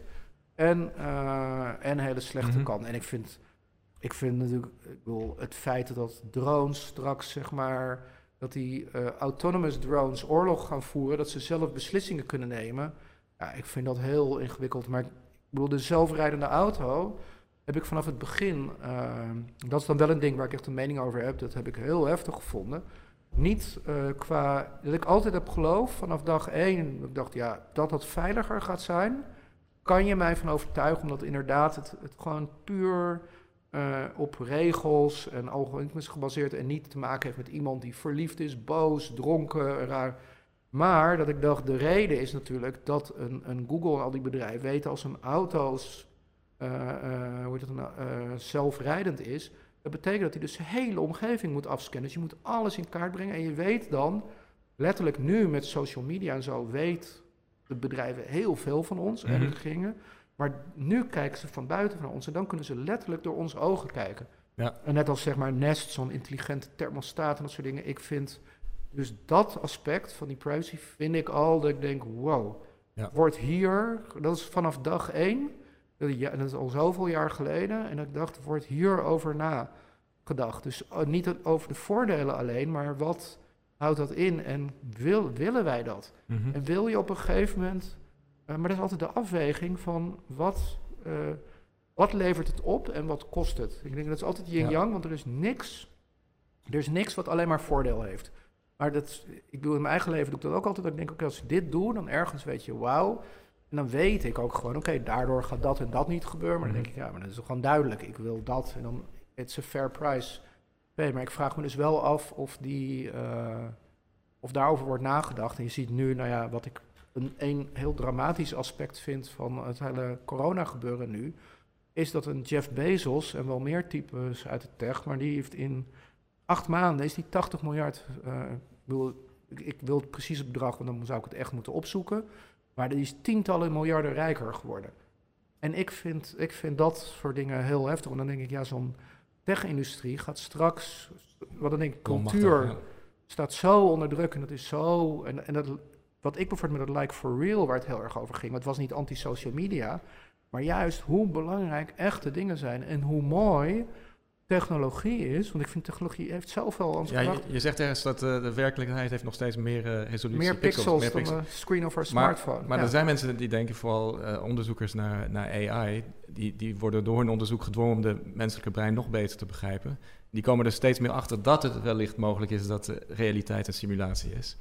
Ja, oh ja, maar die, die theorie vind ik fascinerend. Ik, ik, bedoel, ik vind ook een, ik vind dat soort theorie om over na te denken eh, wat dus het leven is, ja, als je ervan uitgaat dat dit allemaal een simulatie is en daarover gaat nadenken, dat is geweldig. Ja. Maar ook het um, dat project van die zwarte doos heet de Solid Mission. En een van mijn favoriete woorden is solipsism, want dat betekent dat eigenlijk de werkelijkheid, it's just a figment of your imagination. Net als dat als ik droom, mijn droom, nou is dat niet waar, want ik geloof dat het bestaat, maar het bestaat allemaal in alles in mijn droom heb ik gecreëerd. Maar er is dus een theorie dat dit ook. Dit jullie bestaan omdat ik jullie heb gecreëerd. Ja, Deze podcast heb ik gecreëerd. Dit is de luisteraars. Dit volg van. Nee, er is een hele mooie vergelijking. Is, eh, als je in een videospel zit en je kijkt, uh, als ik naar jou kijk, dan zie ik jou. Maar als ik, als ik die kant kijk, dan, dan besta jij dus niet in het videospel. Want je wordt niet gerenderd. Mhm. En dat dat in de werkelijkheid ook zo zou zijn. En, en uiteindelijk is dat, dat een, een droom voelt heel werkelijk. Toch? Kan heel werkelijk voelen. Dus waarom is het echte leven niet een droom? Ja. Nee, maar realiteit, dat is een ander ding. Wat ik altijd met mijn kunst heb gedaan, is realiteit. Is een, vind ik een heel fascinerend. Ook dat mensen uh, zeggen, ja, maar dit is niet, bijvoorbeeld over Burning Man, dit is niet de realiteit, omdat het niet je, je dagelijkse werk is. Maar dan denk ik, alles is, als ik droom, is dat realiteit. En uh, laatst had het toevallig discussie over trollen en elfjes, uh, die bestaan. Ik bedoel, ze bestaan op een andere manier dan deze tafel bestaat. Maar als mhm. er verhalen over geschreven zijn. Ik bedoel, er zijn meer mensen die trollen en elfjes kennen dan mensen die de gemiddelde persoon hier. Dus dat het niet het bestaat. En verbeelding is voor mij ook realiteit. Alleen is net iets. En ook wat ik op Burning Man, de meest gestelde vraag aan mij. Is altijd geweest, dan loop ik in mijn bankierspak daar rond, of zit ik opgesloten in een zwarte doos, of ik een tulband om mijn hoofd. En, uh, ben ik guru van een uh, like tribe. En dan vragen mensen, ja, yeah, but what do you do in real life? En dan denk ik, dude, this is real life. dat is mooi, dat is mooi. Je bent een karakter in een game. Ja, nou ja, live, uh, ja, uh, eigenlijk is live, en misschien is live een video game, maar nog steeds, in, al in die videogame, geloof ik nog steeds dat we dan misschien verschillende levels hebben. En ik denk, dit dagelijkse leven laat ik even in het midden of dit dan ook zeg maar een gescripte game is. Of dat is voor mij wel dat technologie kan zoveel toevoegen aan dit leven. Maar op het moment dat wij ons dagelijks leven migreren naar schermpjes, dan denk ik, ho, daar, uh, daar zit voor mij echt, ik denk, al die social media, alles, ik vind het geweldig dat je hier dingen kan doen en dat je daar, je, je kan enhance it, je kan het versterken, je kan er heel veel aan toevoegen. Maar ik weet dat er bijvoorbeeld nu ook uh, heel veel technologiebedrijven, die, ik bedoel, Zoom en alle, die met die corona denken ze alleen maar, yes, wauw, menselijk contact, bam, weg. Want dan kunnen wij onze dingen uitrollen. En, maar dan denk ik, ja, maar dit is, ik hoop echt van deze tijd, weer iets anders, dat ik echt hoop dat die gaat meegenomen worden. En ik voel ook bij mensen dat het gebeurt, dat ze beseffen hoe, en daarvoor denk ik, is het ook wel, een reset is, vind ik alleen maar goed dat je even, uh, hoe heet dat, de, de, je comfortzone of de dagelijks leven is even, even allemaal anders. En waardoor je kan nadenken. En ik ook, wat is dus, en dan denk ik de waarde van echte dingen. Want ik ben niet zo lang geleden naar een optreden van Matteo Meiderwerk in Paradiso geweest. En ik denk, oké, het is maar 30 mensen en aan tafeltjes en stoeltjes. Nu was dat een klassiek concert. Ik vond het prachtig. En ik denk, oké, ik kan, het is, het is niet zoals het was. Het is met afstand, het is met dit. En je, je moet met een app, moet je dan je drank bestellen en ophalen.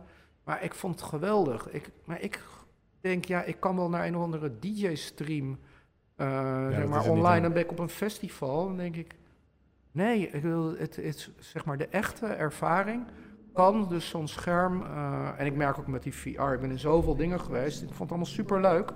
Maar ik denk, ja, maar dit is geen vervanging voor real life. Terwijl het wel allemaal geweldig is dat het er is.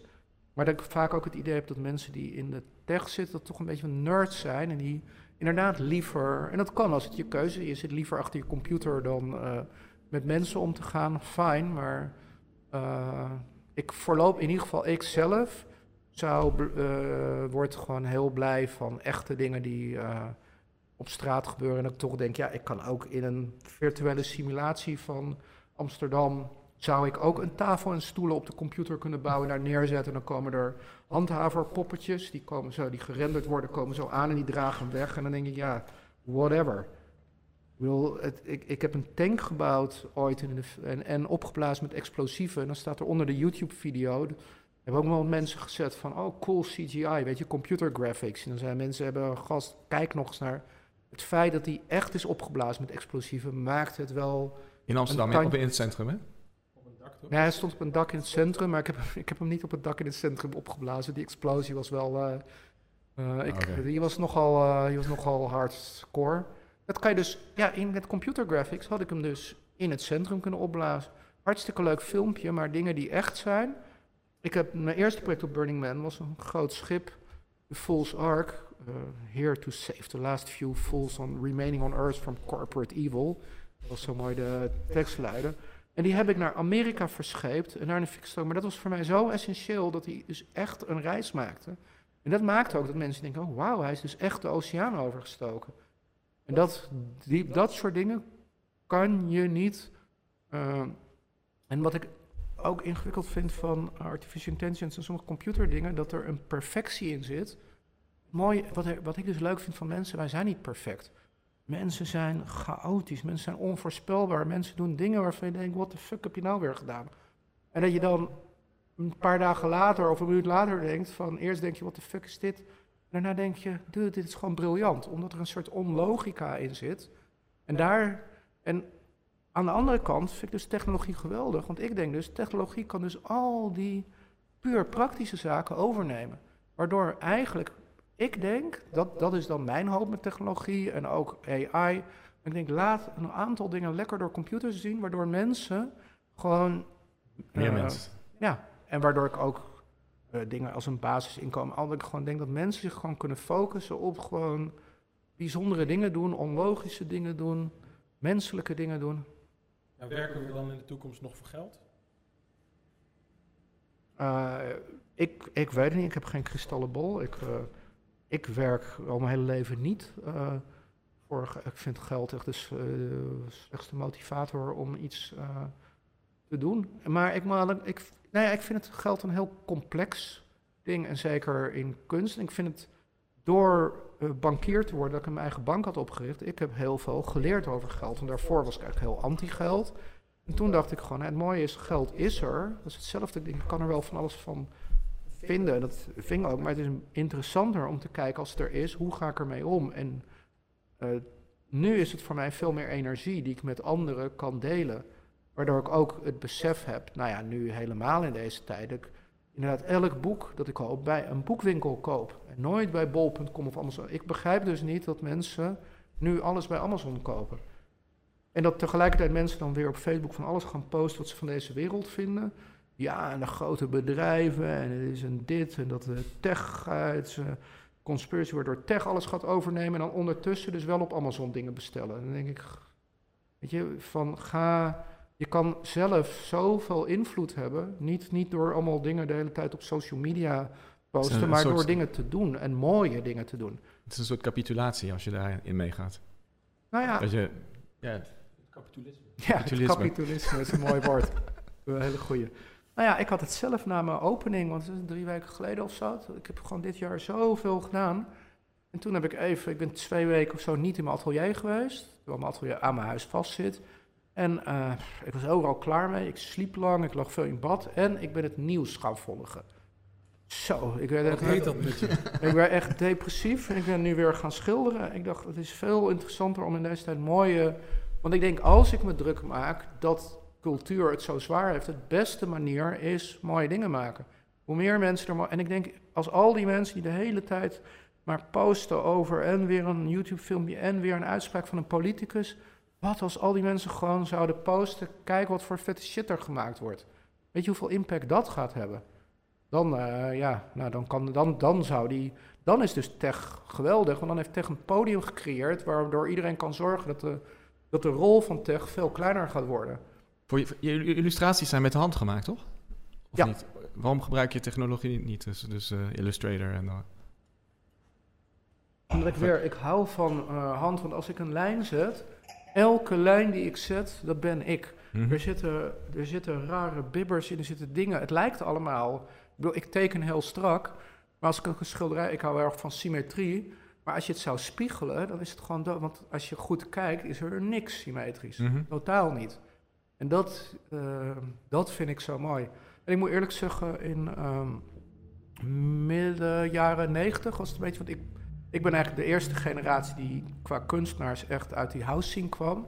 En toen kwam een tweede generatie, die eigenlijk grappig genoeg ouder waren dan ik, zoals Misha Klein. Die maakte allemaal computerwerk. En in het begin had ik zoiets, wow... Het, uh, ik dacht, ja, het wordt nu allemaal overgenomen door de computer. Zij kunnen gewoon een ding creëren, dan printen ze weer tien uit, vijf... en ik moet allemaal originele maken. Maar ik had gedacht, ja, maar de waarde van zo'n... Het is weer dat menselijke ding. Er is maar één origineel en er zit zoveel in van mij. Niemand anders mm -hmm. kan... Het is alles daarin. Is, en nu is het zo mooi. Nu zijn we 25 jaar later en er is digitale kunst. Het is gewoon een klein onderdeel van de kunst. En ik zie, en daar word ik blij van, dat mensen steeds meer de waarde beseffen van echte dingen. En natuurlijk is het ook van, uh, nou ja, ik heb een, uh, jullie platenspeler werkte niet, ja. maar ik heb dus een plaat meegenomen. Uh, en het mooie is, ik heb weer een platenspeler thuis. En, nou, en ik vind het dus geweldig, want ik draai de hele dag in mijn atelier vanaf mijn laptop muziek. En ik vind het ook geweldig, want ik, ik heb zoveel nieuwe muziek waar ik naar luister.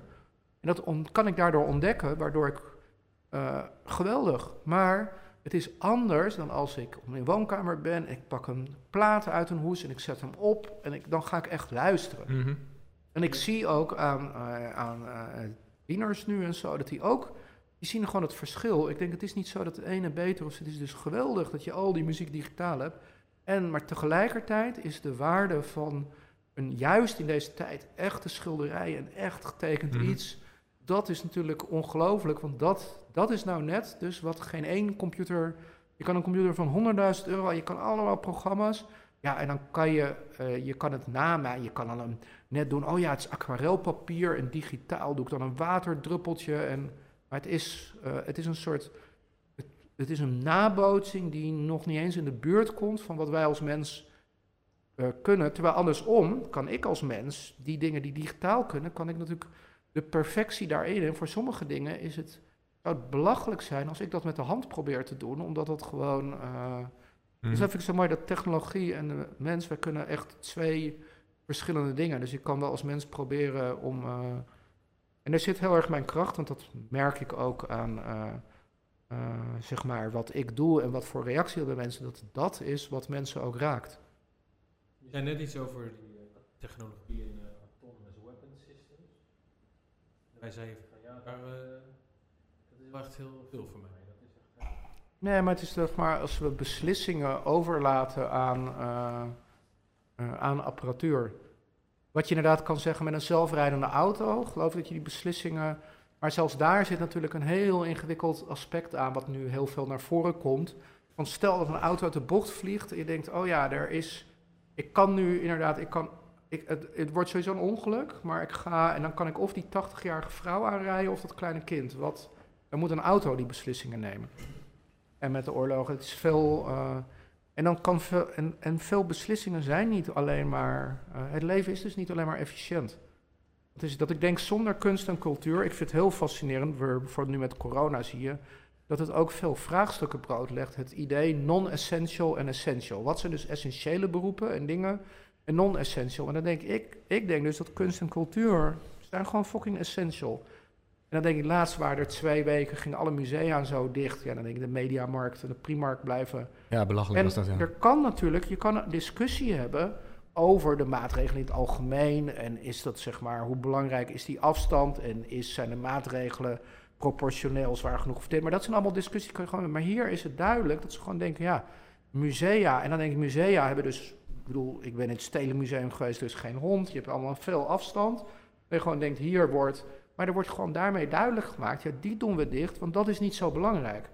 Maar ik denk, als je dus geen cultuur, geen kunst in de brede zin des woords hebt, dus geen films, geen muziek, geen poëzie, geen literatuur, geen beeldende kunst, ja, dan krijg je een leven, dat is dus alleen maar efficiëntie. Maar ik denk, laten we die efficiëntie, het AI, robots... En gecombineerd met een gepolariseerde samenleving is heel heftig.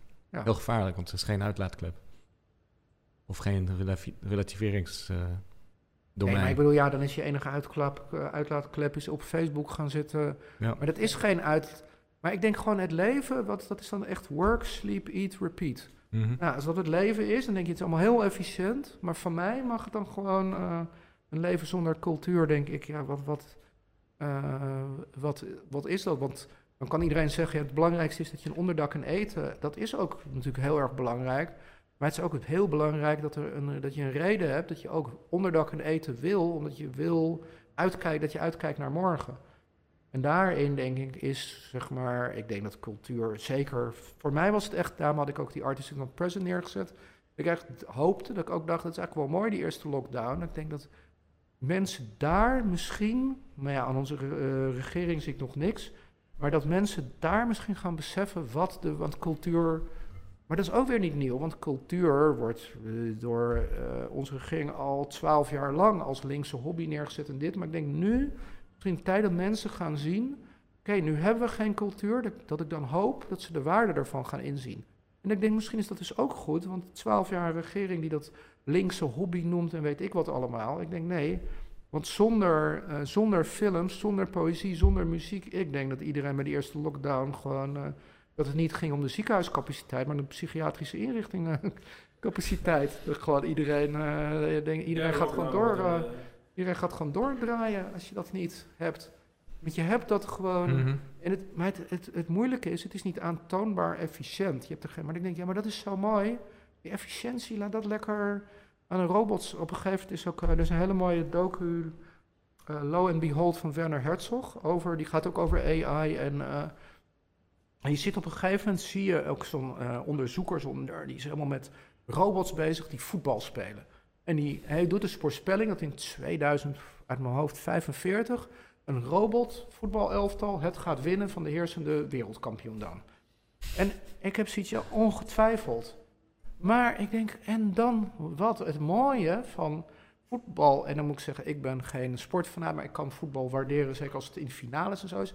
Want er hangt ook weer een soort onlogica. Je hebt de spits die 80 miljoen per jaar verdient en die er altijd inschopt. En dan in de laatste minuut hem net mist. Er is een schot wat ergens op een voet, waardoor er gebeuren allemaal, waardoor er drama is. Dan denk ik, ja, die robots, ja, die op een gegeven moment krijgen die een bam. Een bam, ja, die knallen, die knallen hem elke keer er gewoon in. En dan heeft die robot ook nog eens nul blijdschap dat hij erin. Er is nul emotie. Dan denk ik, ja.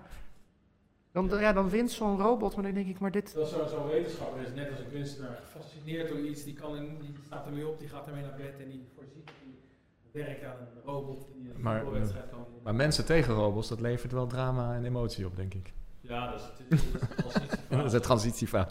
Nou ja, je hebt natuurlijk bij schaken, dat de wereldkampioen Ja. schaken kan het inmiddels niet meer. En toch is er nog steeds.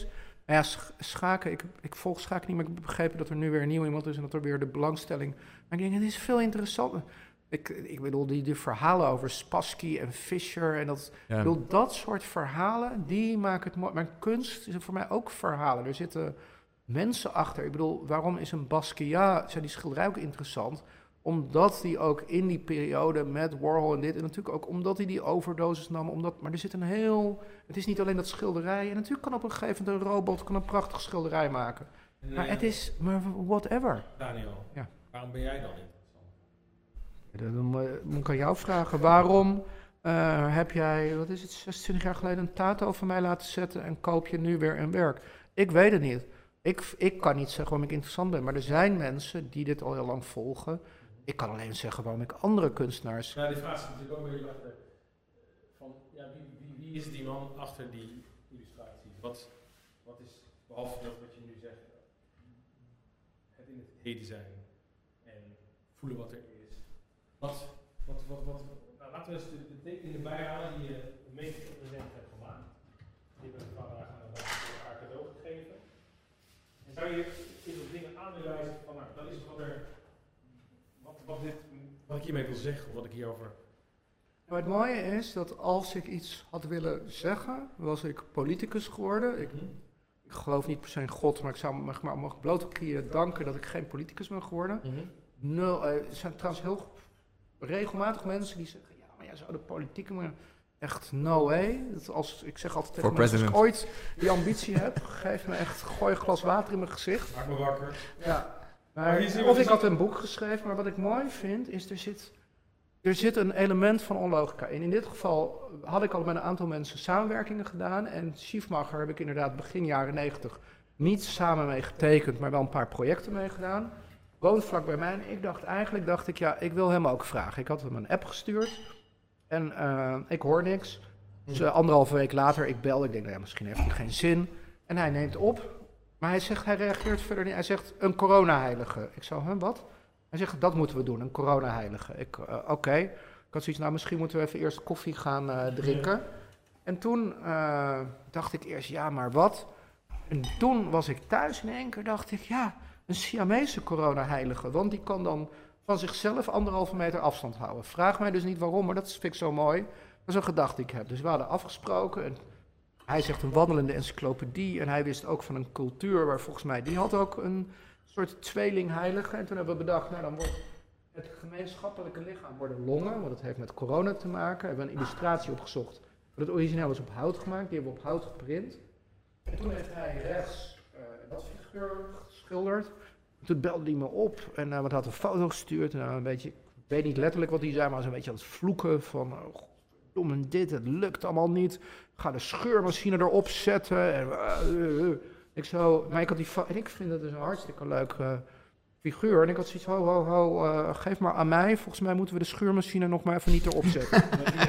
Toen heb ik uh, deze geïnspireerd op Dr. Snabel, omdat hij die uh, had gedaan. Die met de pest, zeg maar, zo'n snavelmasker. En deze allemaal kruiden erin. Een oude gravure. En toen had ik deze geschilderd. dus op het houten paneel. En een foto naar Henk gestuurd. Ik kreeg een appje terug. Heel misschien is er nog hoop. Oh. Ja, maar dat, dat vind ik dus mooi, dat er zit een om...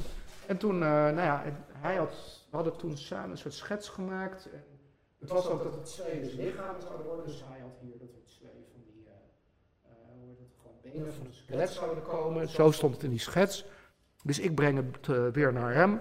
En ik zeg, ja, als je dat met twee benen hier doet... Ik had nog een plan voor een tekst of ik weet niet meer wat eronder... Hij zei, ja, je hebt, net je, je, je hebt net je moment gehad, nu moet je je bek houden, nu ben ik. dus ik zei, oké. Okay. En toen kreeg ik hem terug in keer met die hele hond. Met, ja, ook die geweldig vind, die soort transgender, schijnachtige figuur. En uh, het is ook Hieronymus Bos, het is ook de... Maar ik had dus twee benen voor... En dan, het mooie vind ik, er zit dus allemaal totale onlogica in. Maar toen dacht ik, oké, okay, hel, dan moet ik moet ik iets met de hemel doen. Dan heb ik een social distance heaven van anderhalf meter uh, afstand gedaan. Ik heb het Rijksmuseum, dat is ook om te doen, zo helemaal gedetailleerd. Want Henk weer de opmerking onlokte, mijn god, wat ben jij een autist? Ja, vrij detailistisch. Ja.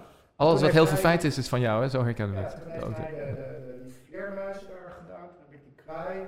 Maar het leuke is, het is, er ontstaat van, wij hebben elkaar de hele tijd eigenlijk uitgedaagd door dingen te doen dat de ander dacht, dat ik bij het Rijksmuseum, dat hij dacht, ja, wat moet ik dan weer doen? Dat ik bij die helle hond. En dan denk ik, ja, het mooie van het proces vind ik, het is niet een brainstormende groep mensen met allemaal post-its dat je denkt, oh ja, maar dan dit. Het is gewoon doen en elke keer als er iets gebeurt. En zo zijn al die samenwerkingen gegaan. En dat, uh, dat, dat vind ik zo mooi, dat het allemaal vanuit gevoel staat. Maar dan, het klopt niet helemaal, want gevoel en ratio zijn niet twee losse dingen. Ik geloof dat in gevoel zit heel veel ratio, alleen you access it in a different, je komt er op een andere manier bij. Want natuurlijk, alles wat ik heb geleerd, gedaan, en er, er is ook onderzoek naar gedaan, dat wij zijn ook erop gemaakt dat we in een bliks, in een flitsseconde kunnen wij beslissingen nemen. Want heel vaak, ook vroeger, als er dan een leeuw op je af kwam rennen, kan je niet denken, oh wacht, uh, wat als een leeuw gaat dit, dan heb ik dat als optie en dit. En dan wacht, ik ga even zitten en even uitschrijven. Nee, je neemt... Vluchten, vechten, ja, maar je neemt heel vaak, uh, en dat vind ik fascinerend, dat er gewoon iets gebeurt. En dan denk je, oké, nu is dit gebeurd, wat? En het mooie is dat er dus dat onvoorspelbare element, ik hou daar heel erg uh, van. We zien hier ook een staf die de dood vast heeft. Uh, aan de top van de staf is Facebook met een uh, aureool erboven. Net boven zijn hand staat nog control met een, met een oog, een alziend oog. Zo erboven. Ja. Maar ja, dat is het idee dat zeg maar en nu helemaal, dat mensen ook zeggen, ja, dat, dat er bijna de tech-industrie dit zeg maar allemaal gepland heeft, zodat ze ons nog meer kunnen controleren. Dus het ook daarmee spelen. Maar ik, vind, ik vond het ook mooi om modern, iets moderne symbolen. Mhm. Want het mooie van deze vind ik dat hij is heel erg van nu. Maar het had ook uh, helemaal het origineel, dat houten paneel in die ouderwetse lijst. Die hebben jullie gezien bij de expo.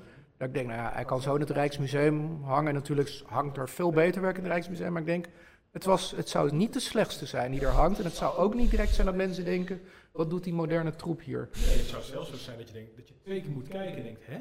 Nou, maar ik, ik vind het. Het is helemaal niet zo oud als het lijkt. Het is heel modern, want.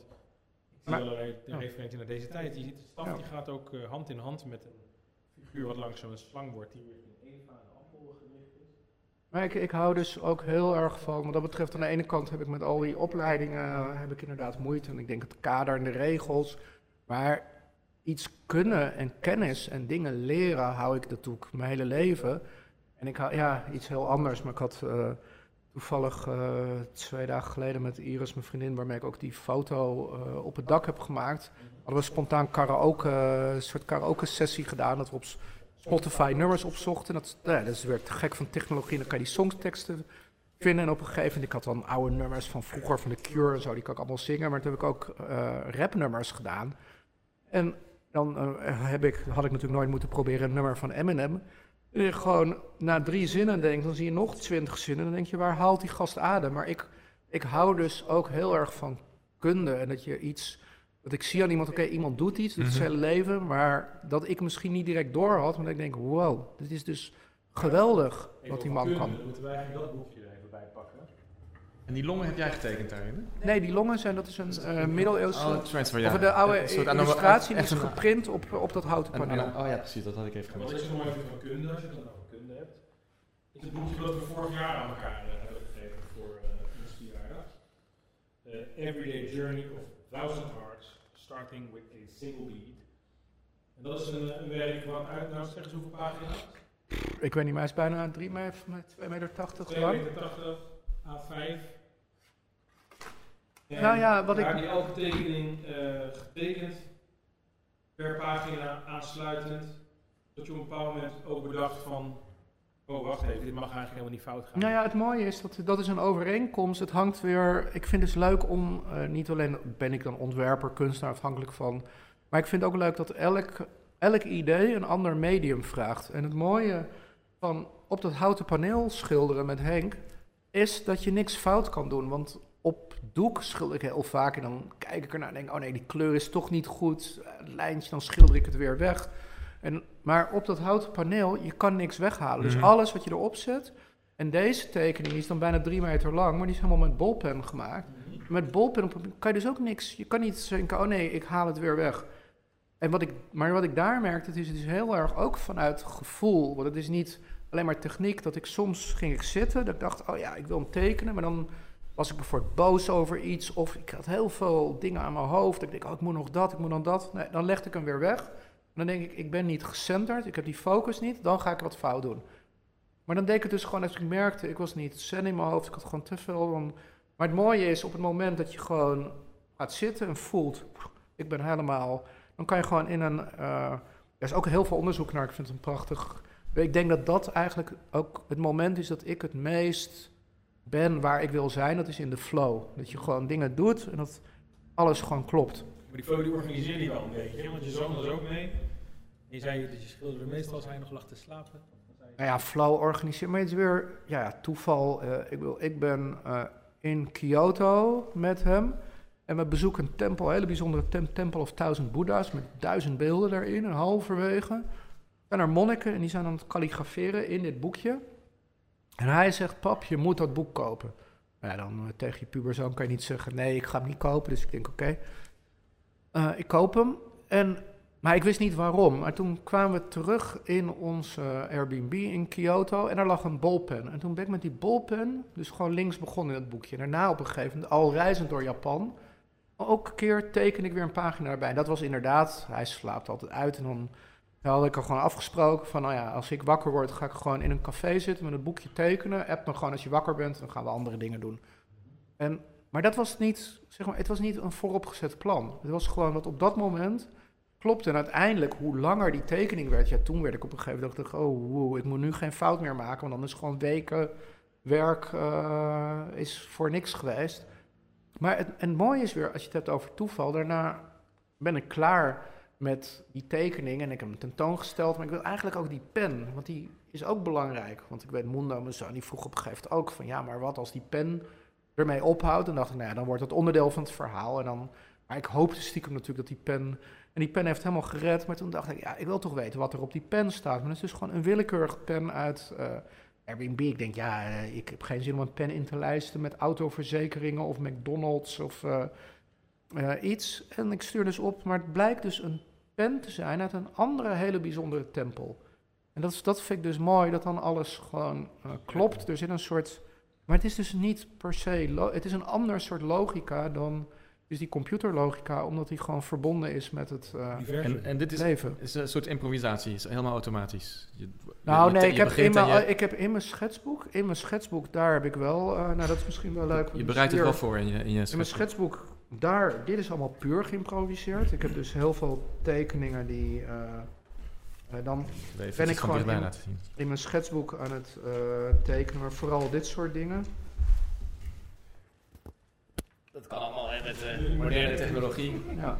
Nou ja, dit is een social distance uh, doodle. Hier zit een koffieapparaat. Maar dit zijn gewoon dingen, dan begin ik. En, Maar daar denk ik dus niet over na. Dit is dus kunde ook. Het feit dat het zo symmetrisch is. Dat het ook past op de pagina. Dat is gewoon zoveel doen dat het gewoon... Maar ik vind dus leuk dat er gewoon in al die dingen... dat het niet... Uh, en, uh, maar het is dus een beetje een telefoontekening, wat je doet, een droedel bij een telefoon. Ja, wat er heel veel mensen dus inderdaad uh, doen. Maar heel vaak doe ik dit ook als ik gewoon met mensen aan het praten ben, dingen, dan ga, uh, gaat dat gewoon... ontstaat daar. maar, daar ontstaan zoveel dingen, ontstaan daar. Maar uiteindelijk dus in dat boek, ik had wel elke keer een idee bij elke pagina... van wat, wat, wat ik ermee ging, ging ja. doen. Je bent niet voor het eerst op die pagina's gaan tekenen. Je had wel eerst een idee op je ja. En dan, en dan ging ik het daar, maar vaak heeft het daar dan nog een eigen uh, vorm gekregen. Ja. ja. dat is kunnen, waar we net over hadden. Maar ik vind dat automatisch, want bijvoorbeeld met Bas Kosters hebben we in een peeskamertje op geld geschilderd. En dat vond ik ook best wel spannend, dat je dan ook moet loslaten. Want op, gewoon op een papiertje heb je een soort onbevangenheid. Maar dan heb je een keer een briefje van 200 euro en dan is het gewoon van uh, hop. Dan schildert iemand en je denkt, oké, okay, uh, dat je eigenlijk ook net zo onbevangen moet zijn als op. Uh, maar dat vond ik dus wel spannend. Ook, ja, dus nu inderdaad ben ik bij deze expo zijn dus ook meer, meer dingen gedaan. Dat ik, uh, het was, ik denk dat het heel lekker is van dingen met anderen doen, is dat je dus uit je cliché uh, comfortzone ja, moet komen. Ja, wel. Dat Paradiso zag ik even het filmpje voorbij komen. Met, ja. ja. Dat is een soort van alsof er een, dirigent, een onzichtbare dirigent staat die al weet wat hij wil gaan doen. Maar er is helemaal geen dirigent. Er Nee. wel dingen die je lijkt. Ja. Maar het leuke is dat van met dit met anderen samen doen, vond ik dat ik het dus. Maar wat ik zei, ik hou dus wel van chaos en dat ik besef na mijn hele leven, ik heb niet alles in eigen. Niemand heeft alles in eigen hand. En hier was het gewoon heel duidelijk dat, want wat de ander ging doen, daar had ik niks over te zeggen. En het is heel mooi om te zien hoe egoloos. Maar, wat ik fascinerend vind, is het, het is het tegenovergestelde van conceptu- conceptuele kunst. Het is dat automatische. Het is puur intuïtie. En dat je dat verenigt in, in één persoon, vind ik wel mooi. Ja, en toch is er, eh, zit er, eh, ja, maar ja, dat is weer waar ik gevoel en ratio ze zijn niet, die zijn niet los eh, van elkaar. Dus dat conceptueel en dat automatische, dat, dat twee verschillende dingen zijn. Net als dat ik niet geloof dat er verschillende realiteiten Mhm. zijn. Omdat en, het en je, hebt, en je hebt niet een soort hiërarchie dat conceptuele kunst ergens hoger staat dan, dan puur esthetische kunst, wat vaak wordt gezegd. Mm, Dat- nee, ik geloof, geen- dat, ik geloof eh, dat elk ding op zich... Ik vind ook mooi in kunst, waar, wat ik heel erg te gek stiekem vind van kunst... dat er geen beter is. Kijk, bij sport, zoals wel meer kunst... Misschien is dat een reden dat heel veel kunstenaars... in ieder geval die ken, ik weet niet of dat waar is... nog niet zoveel met sport hebben. En eh, sport gaat over... Ik vind het wel mooi, dus wat ik zeg bij voetbal... Bij, vooral bij finales, de drama en dat, dat hele... dat er echt iets omheen hangt, wat... Maar bij sport is er altijd een winnaar. Er is gewoon duidelijk van... ik ben beter dan jij bent. Mhm. Want ik bedoel, als ik de 100 meter in 9,6 seconden loop... en iemand anders in 10,6... kan die ander zeggen... ja, maar ik heb een mooier loopje. En gast, mooier loopje. Ik heb gewoon gewonnen. Maar bij kunst, bij bands, bij muziek... er is niet een... een dat je kan zeggen, die film is beter dan die film. Maar iedereen eh, kan eigenlijk alleen maar het beste halen uit zich. Mhm. je, kan, je kan de ultieme versie van jezelf worden. En daar kan je naar streven. Maar ik heb Maar, dat, dus maar dat is vanuit jou gezien, maar, maar vanuit de kunstwereld gezien. Als, als ik eh, de MoMA in New York ga of, of eh, Van der Linden hier in Nederland, veel van de kunstenaars zijn exact hetzelfde. Ja, ja. Omdat er een, een lijstje is van 20 Ja, kunstenaars. oké, maar dat is, weer, dat, is maar de, dat, dat is de reden dat ik... en dat op een of andere manier geld. past, past dat esthetische kunst past daar niet in en de kunstconceptuele wel. Heb ik het idee. Puur, puur, puur Ik weet esthetische niet, kunst. Basquiat is volgens mij de duurste kunst die er is. En dat is esthetisch. Hm. En uh, ja, Andy Warhol, is dat, is, is dat conceptueel? Het Maar- mooiste zelf... Maar erg je daaraan dat, dat, dat, dat er een soort lijst is van, van Nee, maar dat goedgekeurde is wel kunst? een reden dat ik... ehm, maar dat is weer onze maatschappij, die moet een winnaar aan... Die moet ook Mhm. geld. Geld is zo belangrijk. Daarom heb ik de reden dat ik eigenlijk mijn bank heb opgericht... Ik op een gegeven moment dacht, ik ben bankdirecteur. Ik heb dus gewoon mijn eigen bank opgericht. Want ik denk, hoe bizar is het dat ik eigenlijk alleen maar over kunst lees in een krant. Dan wordt een Picasso geveild voor 100 miljoen, een eh, Van Gogh geveild voor 200 miljoen dit. Ja, ik denk, whatever, dat is niet, dat, dat boeit toch niet? Mhm. Ik vind het veel mooier om te zien, iemand heeft iets heel bijzonders gemaakt. Dat vind ik nieuws. Maar je ziet in onze maatschappij wordt er dan iets, nee, dit is veel geld waard. Maar nou ja, op een gegeven moment heeft Damien Hirst heeft een, zelf een veiling georganiseerd, dus los van veilinghuizen. Volgens mij voor 200 miljoen of zo verkocht. 90% van zijn kopers toen, of 85% kan je online vinden, hadden nog nooit kunst gekocht. En kocht dus, dan denk je, er is helemaal geen binding die je hebt met kunst. Het is niet, gaat niet om gevoel, het gaat om uh, raken. Het, is gewoon een investering. En het mooie Ja. is dat het gewoon al, daarna zijn zijn prijzen zeg maar helemaal in elkaar geklapt. Hij is er als winnaar uitgekomen en al die investeerders, dat- dat vond ik dan weer eigenlijk prachtig als kunstwerk. Maar dat je denkt, het is zo, wat ik zo mooi vind van kunst, is dat het juist om gevoel gaat. En dat soms, doordat die dure kunst zoveel aandacht krijgt, ik denk misschien is dat waarom het moeilijk is voor mensen om echt die waarde te beseffen. Of voor de politiek, want het is dus niet in eh, geld uit te drukken. En nog steeds denk ik is het moeilijk te beseffen voor mensen. Ik, bedoel, ik kan dus sinds mijn achttiende leven van mijn kunst. En dat ik dat kan en dat ik inderdaad een project kan doen als een zwarte doos bouwen in de woestijn, schip naar Amerika verschepen en in de fik steken. En dat ik ook nog kan reizen en in een, eh, hier in een mooi huis kan wonen. Betekent dat ik tot een hele kleine groep hoor. Dat is net als muzikanten. Mhm. Maar mensen zien altijd, weet ik veel, de, de, de Dr. Drees, de Damien Hirst, de Jeff Koons, de mensen die met kunst, de, de, de Spielbergs die miljarden verdienen. We vergeten dat gewoon 95% of ik weet niet, kan er gewoon op geen enkele manier van leven. Ja. En toch doen ze het. En dat, dat vind, vind ik ook zo bijzonder van kunst. Dat Mhm. het dus dat mensen ook hun hele leven muziek blijven maken, kunst blijven maken, terwijl ze er nauwelijks geld mee verdienen. Terwijl ieder ander, die, als die denkt, ja, ik heb nu eh, al vijf jaar een baan en ik heb al vijf jaar heeft mijn baas me geen salaris gegeven. Ik denk, maar ik vind die baan zo leuk, ik blijf het gewoon doen. nou, ik, eh, weinig Ik mensen. hoop dat, ja, ik droom van een tijd die er zo uitziet. Dat mensen gewoon het werk doen waar ze van houden, wat Ja. ze vinden dat moet gebeuren. Dat er geen directe beloning tegenover staat, behalve waardering van, van andere mensen. En je zei net van, ja, jij moet maar zeggen of ik een bijzondere mens ben. En ik heb, ja, ik, ik hou jou al vanaf de, mijn academietijd in de gaten. En ik liep zo'n beetje door die school te scharrelen. Eh, van wie doet iets en wie maakt indruk en waar voel ik iets bij. Er was één student, weet ik nog, eh, die, eh, die, maakte, die was helemaal fan van fractals. Die maakte grote kunstwerken, alleen maar uitvergrotingen van fractals. Die moest trouwens ook van school af, want het was niet te begrijpen wat hij deed. En hij was toen bezig, 1992 vertelde hij mij. Nou er komt een tijd dat we dus eh, cellen, eh, zijn half mechanisch, half biologisch. En we kunnen programmeren hoe het DNA van zo'n cel huizen gaat bouwen, stoelen gaat bouwen. Dat groeit, dat gaat groeien. En ja, dat was één student waarvan ik dacht, wauw. En er was nog zo'n student en dat was jij. En ik dacht toen ook, wauw. De, de, de, de focus waarmee je aan zo'n werk zat te werken. En het, autonome, die, die van ik maak dit gewoon, ik weet verder ook niet, ik ga dit gewoon doen. Dat vond ik op 92 fantastisch. Ik, dat is de kunstenaar die ik niet durfde te zijn. dat Ik ben eh, toegepast gaan doen. Maar ik vind het dus mooi van bij deze expo dat ik dus met heel veel mensen heb samengewerkt. En ik denk dat de rode draad een beetje is dat wij allemaal ons hele leven alleen maar dit hebben gedaan. Niemand van ons is zeg maar andere dingen gaan doen en dan denk ik op een gegeven moment, nou, ik, nu ben ik, eh, weet je, heb ik mijn geld binnen, heb ik mijn zekerheid, nu ga ik. Het, het was eigenlijk voor ons allemaal geen keus. Dat je gewoon weet, dit is. Je had het net over Misha Klein. Is die nog actief? Nee, Tussen- nee die wat woont in, eh, die woont in eh? Bali en die eh, is eigenlijk huisvader. En ik denk dat hij uiteindelijk is dat heel goed voor hem geweest dat hij is weggegaan hier in een periode dat het zo slecht met hem. eh, en ja, dat hij weet volgens mij niet. naar zijn zin heeft. Nee, want ik, ik kan ze mijn werk goed herinneren. Ik heb Ja. ook zo'n Misha Klein moment gehad dat ik dat dacht, fuck, dit is gaaf. Hm.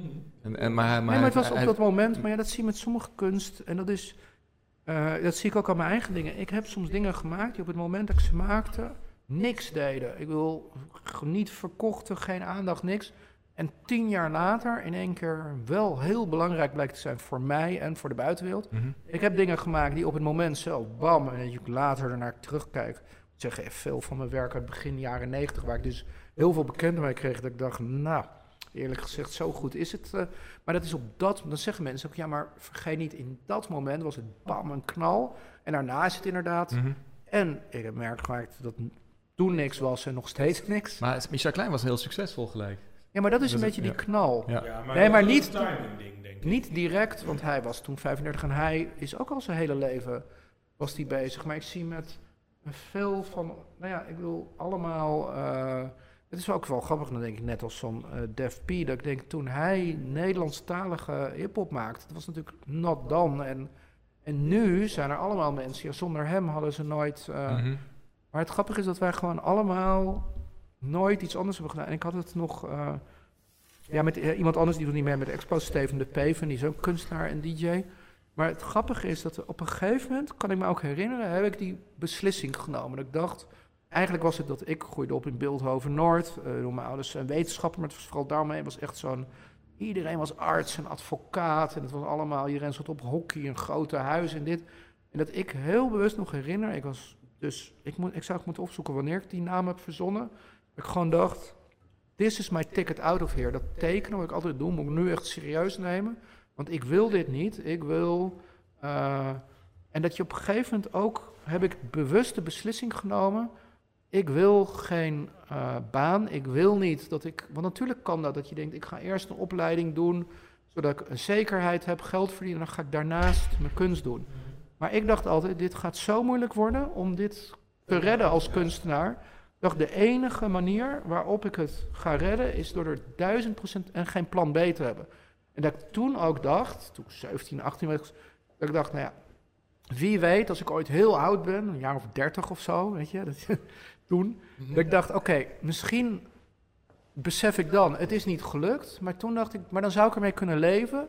Want dan weet ik dat het er gewoon niet in is, maar dan ligt het niet aan mij. Ik ben ervoor gegaan. En grappig is, ik had het met hem daarover. En hij had precies zo'n moment.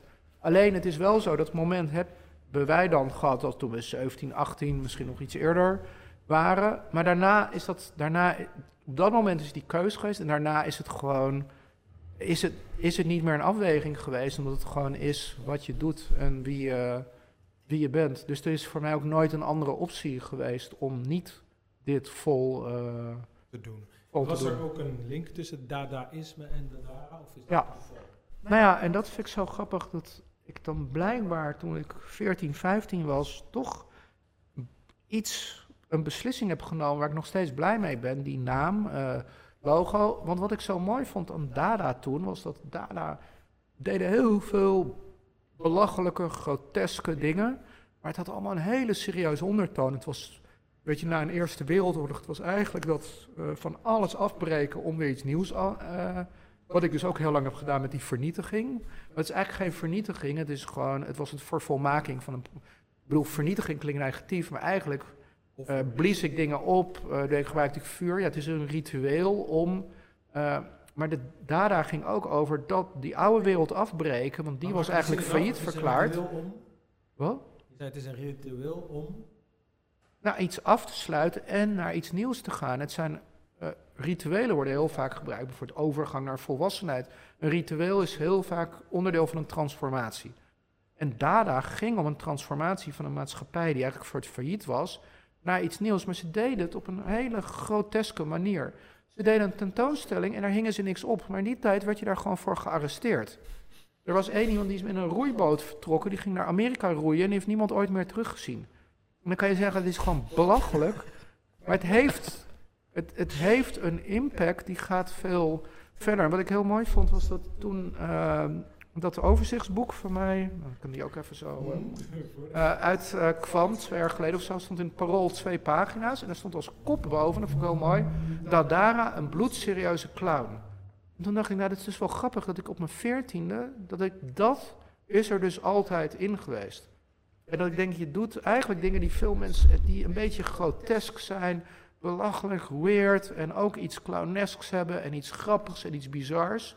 Maar ze hebben een hele, ik denk dat daardoor dat het heel mooi is om dingen te laten zien. Want ik kan in een heel serieus een pamflet voorlezen van dit moet. Maar het mensen raken en dat ze inderdaad denken, oh wauw, dit is...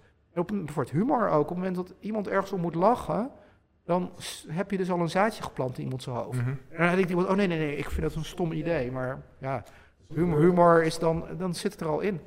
Kan je iets vertellen over je, over je jeugd? Je vertelde net dat je ouders wetenschapper zijn. Ik, ik las ergens dat je in Polen geboren bent. Ja, ik ben in eh, Polen geboren, maar ik was nog geen jaar oud toen zijn mijn ouders hierheen gekomen. Ik ook mooi van die hebben echt alles achter zich gelaten.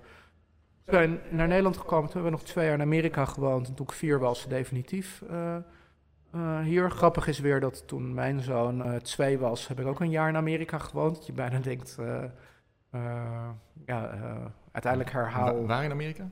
Eh, Texas, Dallas, Texas, was ik artist in residence. Eh, maar dat heeft, heel, dat heeft heel veel impact gehad, want eh, nou ja, ik, ik weet dat mijn ouders op een gegeven moment ook een, een toekomst voor zich zagen, dat ik een mooie opleiding ging doen. En eh, wat eigenlijk achteraf, dat is ook zo mooi dat ik veel meer dingen begrijp. En ik denk, ja, eigenlijk ben ik een immigrantenkind. Ik denk door, want mijn ouders hebben doordat ze professor en dokter waren, gewoon een nieuw leven hier kunnen eh, opbouwen. Maar ja, dat was al, geloof ik, vrij snel duidelijk dat ik dat eh, niet allemaal eh, ging ehm, doen. Maar, eh, dus daar heb ik mij niet aan gehouden. Maar ik weet dat mijn ouders ook één ding aan mij gezegd hebben. Van ze kunnen alles van je afpakken, behalve wat in je hoofd zit. Mhm. En dat is zo mooi, dat hebben ze laten zien door gewoon hun land achter, alles achter zich te laten. En, en ik denk dat die er altijd in is gebleven, waardoor ik ook, want dat vind ik ook waarom Berlijn zo lang zo een favoriete stad van en ik zoveel projecten daar heb gedaan, omdat het bewustzijn daar ook heerst van wat vrijheid betekent en eh, don't take it for granted. Dus dat soort dingen hebben heel veel impact gehad.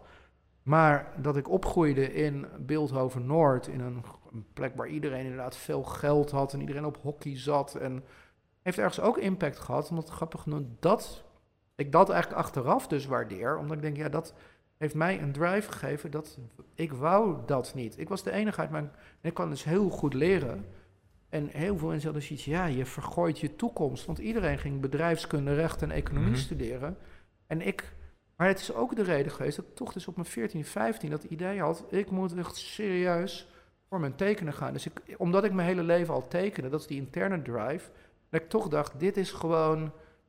Dit is gewoon dus echt wat ik moet doen, want ik wil dat al... Ik, er, en ergens was ik dus een buitenbeentje eh, toen. En dat is... eh, ik denk dat dat... eh, wat als ik altijd lees over andere kunstenaars en muzikanten en schrijvers... heel veel... Ergens is dat... eh, eh, he- heeft daarin je childhood heel veel impact. Dat, dat het dus ook Dus niet het was ook een fijn intellectuele omgeving. Ja, Of, maar ik moet eh, zeggen, op die leeftijd had ik liever ouders gehad die kunstenaars en muzikanten waren geweest. Maar ik ben, en wat ik te gek vind, is dat ik juist er een andere wereld eh, bij heb gekregen. Dat ik, eh, en, dus vooral met mijn vader vaak gesprekken heb, omdat hij nog steeds actief is als wetenschapper. Omdat wetenschap en kunst zijn aan de ene kant totaal verschil. Dat was toen ik 15 was, vooral het ding dat ik dacht, ja, dit is echt boring en eh, weet ik. dus je zit natuurlijk geen seks, drugs en rock'n'roll aan wetenschap. Maar op een dieper level is het leuk dat het gaat. Het gaat niet over gewoon deze wereld. Het gaat over een andere wereld. En, het gaat, en wetenschap gaat ook niet over oplossingen creëren voor dit. Het gaat gewoon over dingen verzinnen. En soms vind ik ook mooi dat het daarin de zoektocht naar dingen en dat gevoel, dat dat dus ook heel erg in eh, wetenschap zit. Nou ja, ja, dit is weer. Maar, maar, maar zien ze je nog eh, als eh, een ontspoorde kind die, die de kunst is is gegaan? Of hebben ze je helemaal geaccepteerd nu? Dat... Oh nee, maar dat hebben ze al heel lang geaccepteerd. Gelijk. Dus ik denk dat dat eh, twee jaar een beetje een, eh, toch een, ja, terugkijkend is, eh, is natuurlijk altijd anders, maar dat was wel even een, een dingetje, zeg maar. Jouw Eh, ouders dan, Frank? Hebben ze jou geaccepteerd? Nee, nou, ze hebben me altijd vrijgelaten. Ze zei, ze- de enige voorwaarde was dat ik ging studeren. Maar, maar niet het onderwerp totaal niet. Je Of, bent, of, niet eh, je bent wel, eh, je hebt de bevestiging wel gehad, zo een beetje van je ouders. Ze vinden wel dat je goed bent. Ja, ja hoor. Ja. Ja, ja dat is geen probleem. Nee, sterker nog, mijn ouders zijn echt fan van... Ja. eh, ja, mijn vader is fan van twee kunstenaars, van mij en van Hieronymus Bos. Wauw. Van Hieronymus, maar dat vind ik dus weer leuk, dat ook de liefde voor Hieronymus Bos, dat is weer heel bijzonder. Mijn vader heeft iets van 250, als hij dit ooit terugkijkt, ik durf zeggen, even pa, ik weet niet hoeveel boeken je hebt, maar volgens mij, het zijn er dus echt meer dan 200, over Hieronymus Bos. En eh, ik, wat ik dus te gek vind, ik ben, eh, er was vier jaar geleden volgens mij een grote Hieronymus Bos tentoonstelling in het Noord-Brabants Museum. Ik ben één keer zelf gegaan, dat was de enige nacht dat het open was. Ben ik de ene nacht gebleven, maar ik ben ook een keer met hem gegaan. En dan ging ik naar het schilderij kijken. En als ik was uitgekeken, ging hij alles uitleggen door... Dus van jongs af aan heb je al Hieronymus Bos bekeken? Ja. Dat, dat, Dat is wel grappig dat het dan zo in je werk zit. zit ook wel in. Ja, en, en ook toch die wetenschapper zit er dus dat ik die achtergrond heb. Want Juxtapost, dat is een Amerikaans kunstblad wat, zeg maar, waar ik al heel lang fan van ben. En die hebben dit boek, hadden ze ook een review over geschreven. En daar, ja. en daar stond ook dat zeg maar, ik als een wetenschapper te werk ging, maar ook de hele manier. Dat vond ik dus heel grappig dat hij dat Mhm. er. Dat de helft van de recensie ging ook daarover. Dat het, eh, en soms heb ik ook het idee dat ik als kunstenaar ook een beetje een mad professor ben met mijn atelier, waar ik. Want het is inderdaad niet. Ik ben niet alleen maar ah, schilderijen aan het maken. Ik ben inderdaad dat ik een thema en dan iets geobsedeerd word. En dan probeer ik allemaal dingen. Nou ja, en dit, nou, nu heb ik dus op deze expo dingen met 3D-printen gedaan. Ik heb vorige expo mijn hart laten scannen. Ik bedoel, dus is, ik heb dus grote performances gedaan. Het is de, de vorm kan elke keer anders zijn. Maar ik vind het ook leuk om op het moment dat, dat ik een bepaald project doe, dat kan zijn dat zich dan een vorm aandient. Mhm. En dan is het niet zo dat ik denk, ja, maar dat is niet mijn vorm, want ik ben tekenaar, ik ben Ja, nee, schilder, ik gaaf, ben ontwerper, ik De ben... Greyman zat, de Greyman zat hier ook op hockey? Wat? De Greyman heeft hier op hockey gezeten? Geen, eh, geen idee. Het is wel grappig dat ik voor het eerst in 15 jaar of zo dus de Greyman weer heb geschilderd op een doek. Omdat ik nu, toen de Artist is Not Present werd weggedragen, die heb ik verwerkt in het Wapen van Amsterdam. En toen heb ik links en rechts de Greyman geschilderd, omdat die ook ooit... eh, omdat ik die ooit ook als groot... Nou, hier, ik heb hem één keer open als Ja, die is mooi. groot standbeeld heb gebouwd. En dat ik eigenlijk dacht, dit standbeeld, de Statue of No Liberty, en het weghalen van de handhavers van de Artist Not Present is eigenlijk hetzelfde. Maar het mooie is dat de vorm is uh, anders. Ja. Maar ik vond ze heel mooi om Waar- ze dus waar- naast waar elkaar te zetten. Nu staat hij bij Sloterdijk in de buurt. En is- deze heeft drie jaar voor het Rijksmuseum gestaan. Wat ik, wat ik me wel gelijk afvroeg bij dit werk is... waarom houdt hij hetzelfde ding vast als de Statue of Liberty? Waarom is Omdat dat... het de Statue of No Liberty is. Ja, dat snap ik. Maar moet hij dan niet iets anders Nee. vasthouden? Waarom, waarom is het hetzelfde object? Omdat hij met zijn pak en zijn stropdas en alles net doet alsof hij ook het Statue of Liberty is. Mhm. Dus dat eigenlijk is het zo van ja, maar wij Ja, we geloven ook in. eh, Ja, eh, maar ik, mijn eerste gedachte was van... Moet hij dan, als het een soort boekhouder is... moet hij dan niet een pen vasthouden? Of, of, eh, of een schijf? Ja, maar ik vond het juist mooi Ja. dat het gewoon Ja, ja. de Statue of No Liberty is, alleen dan de... Prachtig. Dat is een mooi beeld, ja. Die stond voor de Reflex Gallery Ja. toen ik getatoeëerd werd door Henk Schiefmacher en jij de tekening op Ja. de been had gezet. Maar ook daar heeft de gemeente jaren, die heeft er jaren gestaan. Dat was onderdeel van de beeldenroute en daarna heb ik hem niet weggehaald. De gemeente heeft ook zoveel. Dat ik denk, de gemeente, dat, dat is ook een soort constante. Dat is gewoon al jaren zoveel, zoveel lopen te zeuren. En nu, ik, ik denk dat ik op een gegeven moment denk, misschien kan je ooit ook dit gaan waarderen. Je zou in principe inmiddels een expositie kunnen maken die helemaal gericht is op de thematiek van de Dara en de interactie met de gemeente. Dat begint al een Ja, ik ga daar echt geen expo over doen. dat is wel gaaf. Maar ja, we, ja. Gesubsidieerd door de gemeente natuurlijk. Ja. We moesten het nog hebben over decompo... Dat was een moeilijk woord. Decompo... Decom... Wat was het? Decommodification. Maar die hebben we genoemd bij de like. Ja. dat Ja. commodity is een verhandelbaar goed. Dat waar mensen zo boos werden over dat logo. En we hebben het ook genoemd met kunst. Dat kunst dus alleen maar zoveel aandacht krijgt als het geld waard is. En dat is dus dat de waarde. En heel veel van mijn werk gaat over realiteit. Maar ik denk dat een andere rode draad ook waarde is. En dat ik altijd zo lastig vind dat waarde in geld uitgedrukt moet worden. En dat je gewoon merkt dat in onze maatschappij dat het heel moeilijk is voor de maatschappij om dus dingen te begrijpen die dus gewoon waarde hebben. En dat mensen dat misschien wel voelen, maar denken, ja, maar je kan er dus geen eh, politiek, er kan geen, eh, weet je, kan geen regelgeving op komen. Dan is er iets bedacht en dan zegt iemand, ja, maar kunnen we dit doorrekenen wat dat oplevert? Het doet me denken aan een verhaal van een vrouw die eh, na de Tweede Wereldoorlog eh, de meeste mannen, Canadezen, die dus kinderen hadden gemaakt in Nederland bij vrouwen, die waren weer terug naar Canada en heel veel vrouwen zaten hier met hun kinderen. En die vrouw heeft haar leven lang ervoor gezorgd dat die 200 of 300 soldaten op een of andere manier in contact kwamen met kinderen. Ofwel alimentatie ging betalen, ofwel af en toe een uh, ansichtkaartje sturen. En toen die vrouw geïnterviewd werd, toen vroeg de interviewer van, ja, maar wat, was je, wat deed je verder voor werk? Wat, wat, wat, wat deed je nou echt? En toen zei ze, dit is wat ik deed. Dit Ja. heb ik mijn hele leven gedaan, daar heb ik voor geleefd. En ja, ik ben het wel met je eens dat, eh, dat we in deze samenleving op een bepaalde manier naar waarde kijken en heel veel dingen die waardevol zijn of weggooien of eh, niet zien als waarde. Hè, de, de, de dag dat ik, ik, ik, ik had altijd Duitsers op mijn bank. Want ik, had, eh, ik deed mee met een Duitse liftcentrale. En als je dan wat mensen uitnodigt op je, op je couch, dan Ja. krijg je een lift voor, je. En op een goede dag kreeg ik een mail van Airbnb. Die zeiden, ja, vanaf nu af aan is gastvrijheid eh, niet meer iets wat je zomaar gratis kan doen. Dus of je hebt geen couchsurfing website meer, of je doet nu mee met Airbnb. En dan eh, hebben wij alvast voor je uitgerekend hoeveel je kan verdienen met het uitlenen van je bank. En ik had zoiets van, ja, die techniek die, die pakt ook eigenlijk alles wat waardevol is. Op het moment dat ze weten hoe je het kan vermarkten, is het, is het waardevol. En voor die tijd is het niet waardevol, maar er worden steeds meer dingen van ons afgepakt, zou ik maar zeggen. Nou ja, maar het is gewoon voor mensen heel moeilijk. Is blijkbaar is gevoel is een lastig ding. Dat eh, sommige dingen die die waarde hebben, hoef je niet in iets in een getal uit te drukken. Dat is dus net als wat kunst niet per se beter. Sommige dingen maken niet uit. Dat is gewoon waardevol.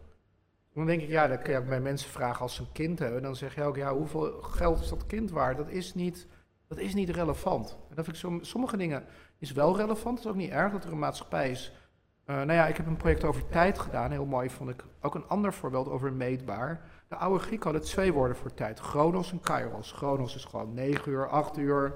Het gewoon alles. Weet je, het is nu kwart over acht. Elk kwartier is een kwartier. En kairos is gewoon de juiste tijd om dingen te doen. En ik vond het zo'n opluchting toen ik dat las. Want dan dacht ik, ja, zij begrepen dat dus wel. En het, maar het betekent niet dat de ene niet waar is en de ander wel. Want door die chronos, natuurlijk, als je treinen uh, op tijd wil laten rijden, vliegtuigen, heb je gewoon chronos nodig. En voor andere dingen niet. Ja. En voor sommige dingen is het heel praktisch dat er geld is, dat het meetbaar is. Want praktische dingen, als je elk ding moet hebben, ja, maar je moet de waarde voelen, dan wordt onze maatschappij vermoeid. Dus dan denk je dat gewoon. Maar andere dingen hebben waarde. En oké, daar zit dan geen getal op. Maar dat is dus wel een bijeffect wat geld heeft gedaan, dat het alles kwantificeerbaar heeft gemaakt. Maar ja, dat zie je, social media doet dat ook. Want dan heb je een plaatje en dat krijgt 300 likes. En dus is dat plaatje beter dan een plaatje met 100 likes. Maar dat is niet... E economie even. Want het is zeg maar die, die, die uh, zwarte doos op Burning Man die ik heb gedaan. was dus een hele bijzondere ervaring. Maar de, een ervaring kan je niet kwantificeren. Maar een ervaring kan 20 jaar later nog steeds gigantisch veel effect hebben. Maar een zwarte doos in een woestijn is niet iets wat heel veel likes oplevert. Door een lekker Instagram-model is veel meer. En dat, en dat is dan prima, maar dat heeft, dan heeft, dat, dat heeft gewoon een ander soort waarde. Dus sommige dingen zijn meetbaar. En dat is dan prima. En dan heeft dat ook. En misschien is dat heel veel geld waard. En soms is dat ook. Zo, en soms kan dat weer heel bijzonder zijn. Hebben we genoeg kairos in onze westerse samenleving? Uh, ik, ik heb om die reden geen agenda. En nog nooit een agenda gehad, ook geen digitale omdat ik geloof dat inderdaad in de juiste tijd om dingen te doen. En als ik mijn hele leven volplemp met Chronos. Maar ik, ik zou dat begrip Kairos zou van mij veel. nou ja, mooi is, ik heb dus een begrafenis voor de lijk georganiseerd in Paradiso, maar met uh, Eddie Reefhuis. Dat was toen de dominee van de oude kerk. En die vertelde mij, dus uiteindelijk had ik hem overtuigd om eh, die dienst te leiden als dominee. En hij vertelde mij dat het ook wel heel mooi was dat ik een begrafenis als symbool had uh, genomen. Omdat het A, een plek is die mensen samenbrengt. Maar ook dat dat een van de weinige plekken nog is in onze maatschappij. waar dat begrip kairos is. Want niemand zal zeggen. als een begrafenis is. van ja, ik heb net in mijn agenda gekeken. maar kunnen we die begrafenis even twee uur opschuiven? Mhm. Want. Uh, weet je, of ja, de hele tijd op je mobiel zitten kijken. Nou, hier is die. Uh, met, met een like-kist. En een, uh, een, een, een begrafenisstoet achter de lijkkist aan door de stad. Nog een beetje ook uh, een resembeling aan, uh, aan Gielen dan, hè? Dat is eigenlijk ook een kunstwerk in de vorm van een begrafenis. Ja, nou maar wat Gielen bijvoorbeeld heel mooi was, dat, dat verbranden van de Roxy heeft ook zoveel, in, of dat die brand zoveel impact gehad. Want zijn levensmotto was, one fire ignites another. En het jaar na de brand van de Roxy ben ik voor het eerst op Burning Man geweest. Dus het was ook dat het ene vuur heeft ook letterlijk het andere uh, aangestoken. Hoe, hoe kwam je daar? Werd je daarvoor uitgenodigd? Nee, nee, ik ben er eerst. Het was al een paar jaar dat ik er uh, over gehoord had. En ik wou, er, uh, ik wou er al langer heen. En het eerste jaar dat ik geweest ben, is 2001. en toen hebben we eigenlijk contact gezocht online. Wat toen natuurlijk nog niet social media zo was met dat we dachten, we moeten gewoon een groep Amerikanen vinden die erheen gaan. En daarbij aansluiten. En dan vinden we wel uit de, bij de krant, de, de Burning Man krant, hebben we ons als vrijwilliger aangesloten. En uh, wat ik zo mooi vond, was dat het voor mij eigenlijk hetzelfde gevoel was als voor het eerste Roxy. Dat ik weer op een plek kwam waar het ook niet uitmaakte wie je daar buiten was in de zogenaamde echte wereld. En op die plek gewoon. En er een soort magie heerst. En eigenlijk, als je het hebt over vervoelen of dingen, dat ik uh, bij die house scene zat toen het nog heel klein zat. En ook bij Burning Man. En het jaar daarna heb ik dus een boot gebouwd, naar Amerika verscheept en in de fik gestoken. En of all places uh, ben ik toen bij Ivonier beland. Toen was ik dus een kwartier bij Ivonier, die toen volgens mij 3, 4 miljoen kijkers had. Want dat was een ander tijdperk. Maar grappig is dat toen niet Burning Man in Nederland explodeerde, maar pas tien jaar daarna toen het bij BNN op reis uh, kwam. Dus veel dingen die ik mhm. heb gedaan, ook dat je eigenlijk merkt, het heeft gewoon tijd nodig om, uh, om door een groter publiek begrepen te worden. Ja, ik heb ook nog op de NDSM gestaan. Ja, nou ja, dat was een periode dat je op de NDSM dus gewoon een ding kon bouwen. Ik had het gevoel dat de Fools Ark iets met de Ship of Fools van doen had. Mij Fools van Hieronymus Bos. Nee, in die tijd, dat was daar bij um, Hazard. Ja, bij dat, uh, ja, het heeft niks daarmee te maken. maar de Ship of Fools is natuurlijk een heel oud... Hieronymus Bos heeft hij ook al geschilderd. Het is een heel oud begrip. Dat komt al uit de 15e eeuw. Ja. Daar, de Ship of Fools heeft... Wij hebben allebei roots die 500 jaar geleden liggen. 600 jaar geleden, 500 jaar geleden. Dus daar, wij hebben gemeenschappelijke voorouders. Wat is dat Ship of Fools? Kun je daar meer over vertellen? Uh, nee, de Assart, ja, het is nu... Het nee, maar meer die, die geschiedenis waar het uit put. Nee, maar wat ik eigenlijk door een ander verhaal heb gemaakt. Ja, Fools voor mij, maar daar komen we weer terug bij de verwijzing naar Dada. De bloedserieuze clown, de fool, de hofnar. Ik heb heel lang ook gedacht, ik heb nog nooit een visitekaartje gehad, behalve als bankdirecteur, CEO en founder. Uh, maar ik heb heel lang gedacht, als ik dan een visitekaartje zou maken, zou ik daarop zetten Hofnar, Court Jester. Omdat ik zo mooi, omdat in die tijd de enige die echt kritiek op de koning kon hebben, zonder dat af en toe ging je hoofd er ook af, maar oké, er was, je kon kritiek hebben en kans was groot dat je dan niet werd onthoofd, was de Hofnar. Omdat je door humor en door het op een andere manier te laten zien, dat dat, uh, en dat, dat is dus waarom ook de... Uh, de Fool's Ark die zin ook had to save the last few fools on earth, remaining on earth from corporate evil. Dat al die, dat, en grappig is dat die ship of fools waar jij het over hebt, uh, Azart, uh, de kapitein daarvan, August, die heeft een paar jaar geleden was ik daar met mijn zoon. Toen lagen ze bij de NDSM, maar zoals alles in Amsterdam mochten ze niks meer, want mensen die anders zijn, dat voldoet natuurlijk niet aan de regels en dat is slecht, dat, moet, dat mag niet. En toen had hij tegen Mondo, mijn zoon, gezegd. En hij zegt: Jouw vader is best wel een beetje gek. Zegt hij, maar het is belangrijk dat er altijd mensen zijn die nog gekker zijn. En dat ben ik. Ja. Ah, voor prachtig. Ja, groot respect voor uh, hun. En als je nou een stroming zou moeten plakken op jouw werk, hè? Moeten anderen doen. Stromingen, dat vind ik leuk. Dat is leuk voor kunsthistorici en zo. Ik wil hun werk niet ontnemen. Maar dat, dat vind ik ook iets wat je pas achteraf uh, doet. En, en het bewust theatraal maken van je werk, dat past misschien ook bij de, die Hofnaar-rol. Dat je er een soort theatervoorstelling van maakt. Ja, nou moet ik zeggen, maar dat is weer, met, als je het hebt over conceptueel. Bij mij is dus mijn conceptuele en het theatrale en dat het ook mooi is. Waardoor denk ik ook die automatische doodles ook past bij het conceptuele. Dat is weer wat ik doe. Maar ik ben, uh, grappig is natuurlijk, de artist is not present verwijst naar het werk van Marina Abramovic. Anderhalf jaar geleden zijn we in Servië geweest, wat haar land is waar zij is opgegroeid. En er was een overzichtsexpo van Marina Abramovic. Maar ik vind dus haar werk wat ze met Oela heeft gemaakt, is heel sterk. En, en de artist is present. Maar op een gegeven moment daarna is haar werk dus heel mooi geworden. Heel theatraal. Ze had natuurlijk in één keer geld om op budget. En grappig genoeg vond ik het daardoor veel minder. Hm. Omdat de kracht ervan, dus zeg maar... Maar ja, zo zijn we allemaal anders. Bij mij is altijd dat want ook dat zeg maar zo'n false arc, zo'n, nou ja, wat jij nu hier hebt opgeslagen, zo'n ouderwetse 17e eeuwse landkaart heeft met al die details. Maar ik vind dat ook echt heerlijk om te doen, om nou, verhalen. Ik, mhm. ik denk dat ik heel erg graag verhalen creëer. Wat ik eerder zei, dat volgens mij is dat ik trollen en elfen. Dus, en dromen, dat bestaan echt. Mm Dus als mensen zeggen, ja, dat is niet echt, dan denk ik, dat is realiteit. Alleen een, an, een andere vorm van realiteit. Dit is fysiek, kan ik dit voelen. En als ik mhm. droom, want in mijn droom lees ik af en toe ook boeken, kom ik ook in hotels. Maar die zijn. Uh, en de verhalen die ik. Ik denk dat dat het is met realiteit. Dat voor mij is mijn verbeelding. Ik creëer een, een andere werkelijkheid. Die dus gewoon echt is. Want daardoor kan ik ook mensen mee. Door er een heel verhaal achter. Dus elk schilderij van mij er zit een wereld achter. De mhm. schilderij is een soort blik in mijn wereld. Het is niet alleen een. Uh, uh, het is niet gewoon een mooi ding aan de muur daarachter. Als je erin, bij spreken door het schilderij, kan je in mhm. die wereld verdwijnen. Heb je ook wel het indruk dat je, maar misschien is dat mijn eigen projectie op jouw werk, dat je, is iets, is ruimte voor maatschappijkritiek of er is ruimte voor verbazing en dat levert bij jou eigenlijk aan de lopende band tekeningen Dat zijn deze Meestal zwart-witte. Dat is de enige, dus echt rode draad in mijn werk. Dus vanaf mijn 14e, 15e, dat ik.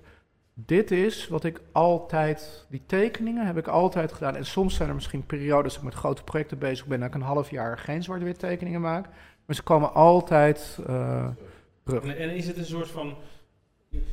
Kan me voorstellen dat je als kunstenaar niet gaat uitleggen waarom je dit maakt.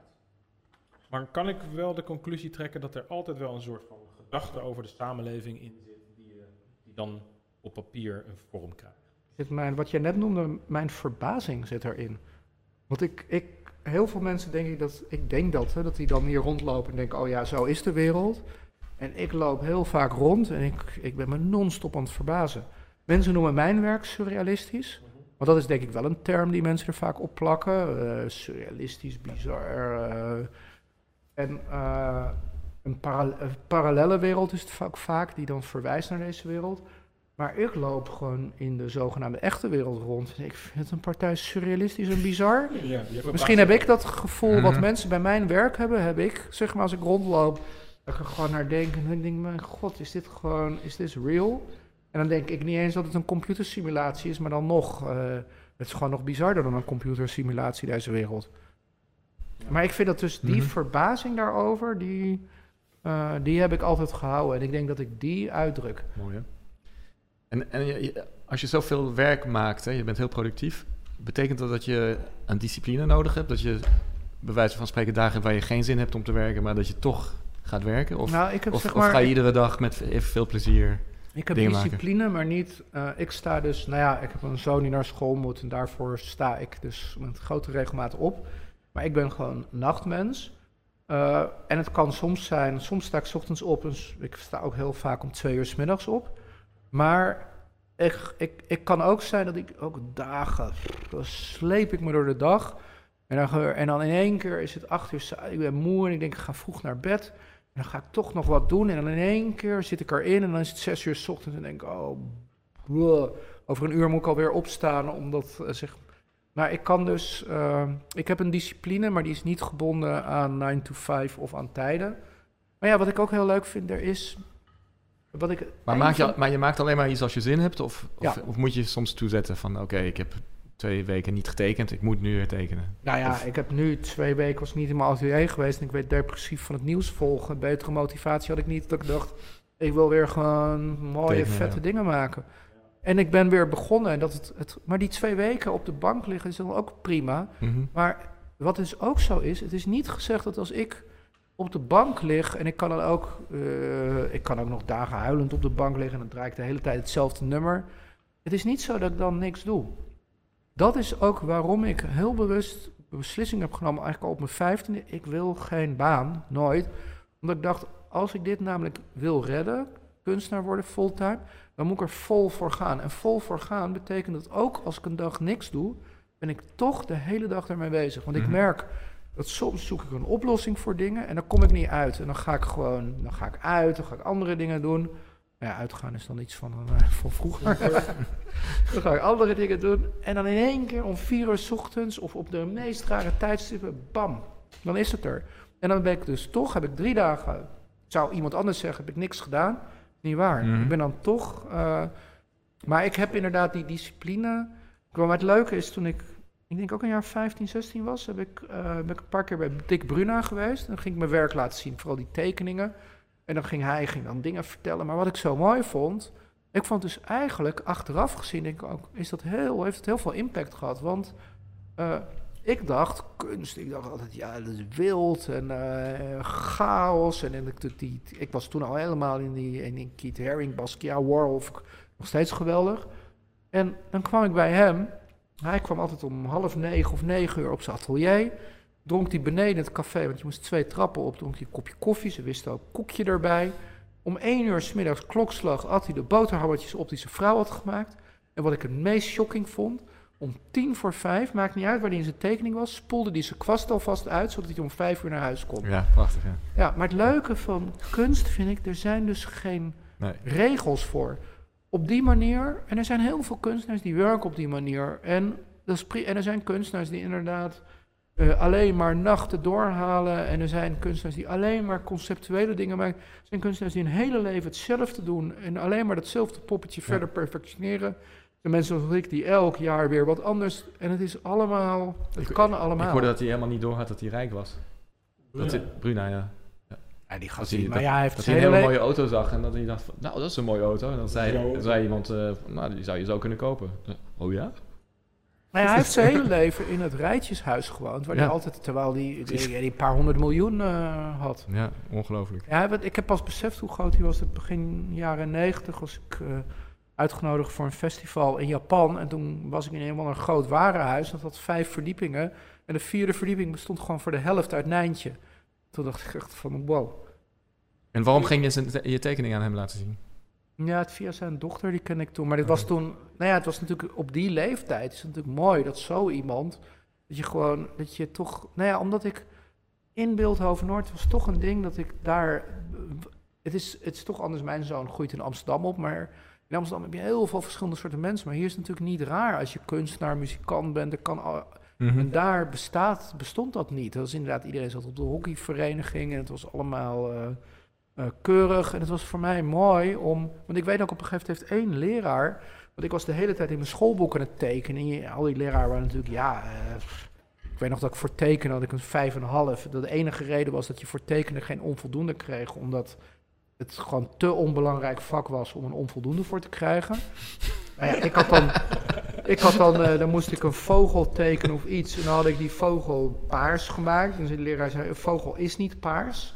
Nou, eh, maar eh, het was... Nee, er is één leraar die heeft op een gegeven moment zag mij tekenen. En die heeft mij toen een blad gegeven van de Nederlandse cartoonistenvereniging. Die had zoiets... Volgens mij moet je hier... Dat, heeft, dat was ook zo belangrijk voor mij. En voor mij was belangrijk inderdaad dan... eh, dat ik toch de, inderdaad die Keith Haring en Basquiat... een bepaalde tentoonstelling... Want ik ging al heel jong inderdaad ook naar het stedelijk toe... naar dingen dat ik dacht... Oh ja, er gebeuren dus allemaal dingen... waar ik nog geen weet van heb. Maar er is een wereld hier buiten. En dat toch zo'n Dick Brunner... dat was iemand die dan gewoon zo leefde. Al was dat wel misschien niet de rock'n'roll die ik eh, als 15-jarige in gedachten had. Maar dat, het, het, het was, het, het, het, het- ik vond het heel bijzonder. Dat En hij, wat eh, vond hij van je werk? Ja, hij, was, nou ja, het was sowieso een eh, hele lieve man. Dus die had... Vond alles prachtig. Soort- ja, nee, maar, dat, maar ik denk dat... eh, ik vond het dus mooi dat het... Dat, ja, dat wist hij ook. Dat het gewoon dat iemand die toch zo... Een, ik bedoel, want hij was toen ook een beroemdheid... Dat hij toch gewoon positief was over mijn dingen. Is dat inderdaad daar die zoekt naar gezien worden? Nou ja, Kijk, ik denk dat elke. Ik weet niet als je. Nou ja, het ding is dat je weer die eh, geweldig. Die, die, ik weet dus niet wie dat op die academie in Eindhoven gedaan, maar die mij zo de grond in heeft geboord.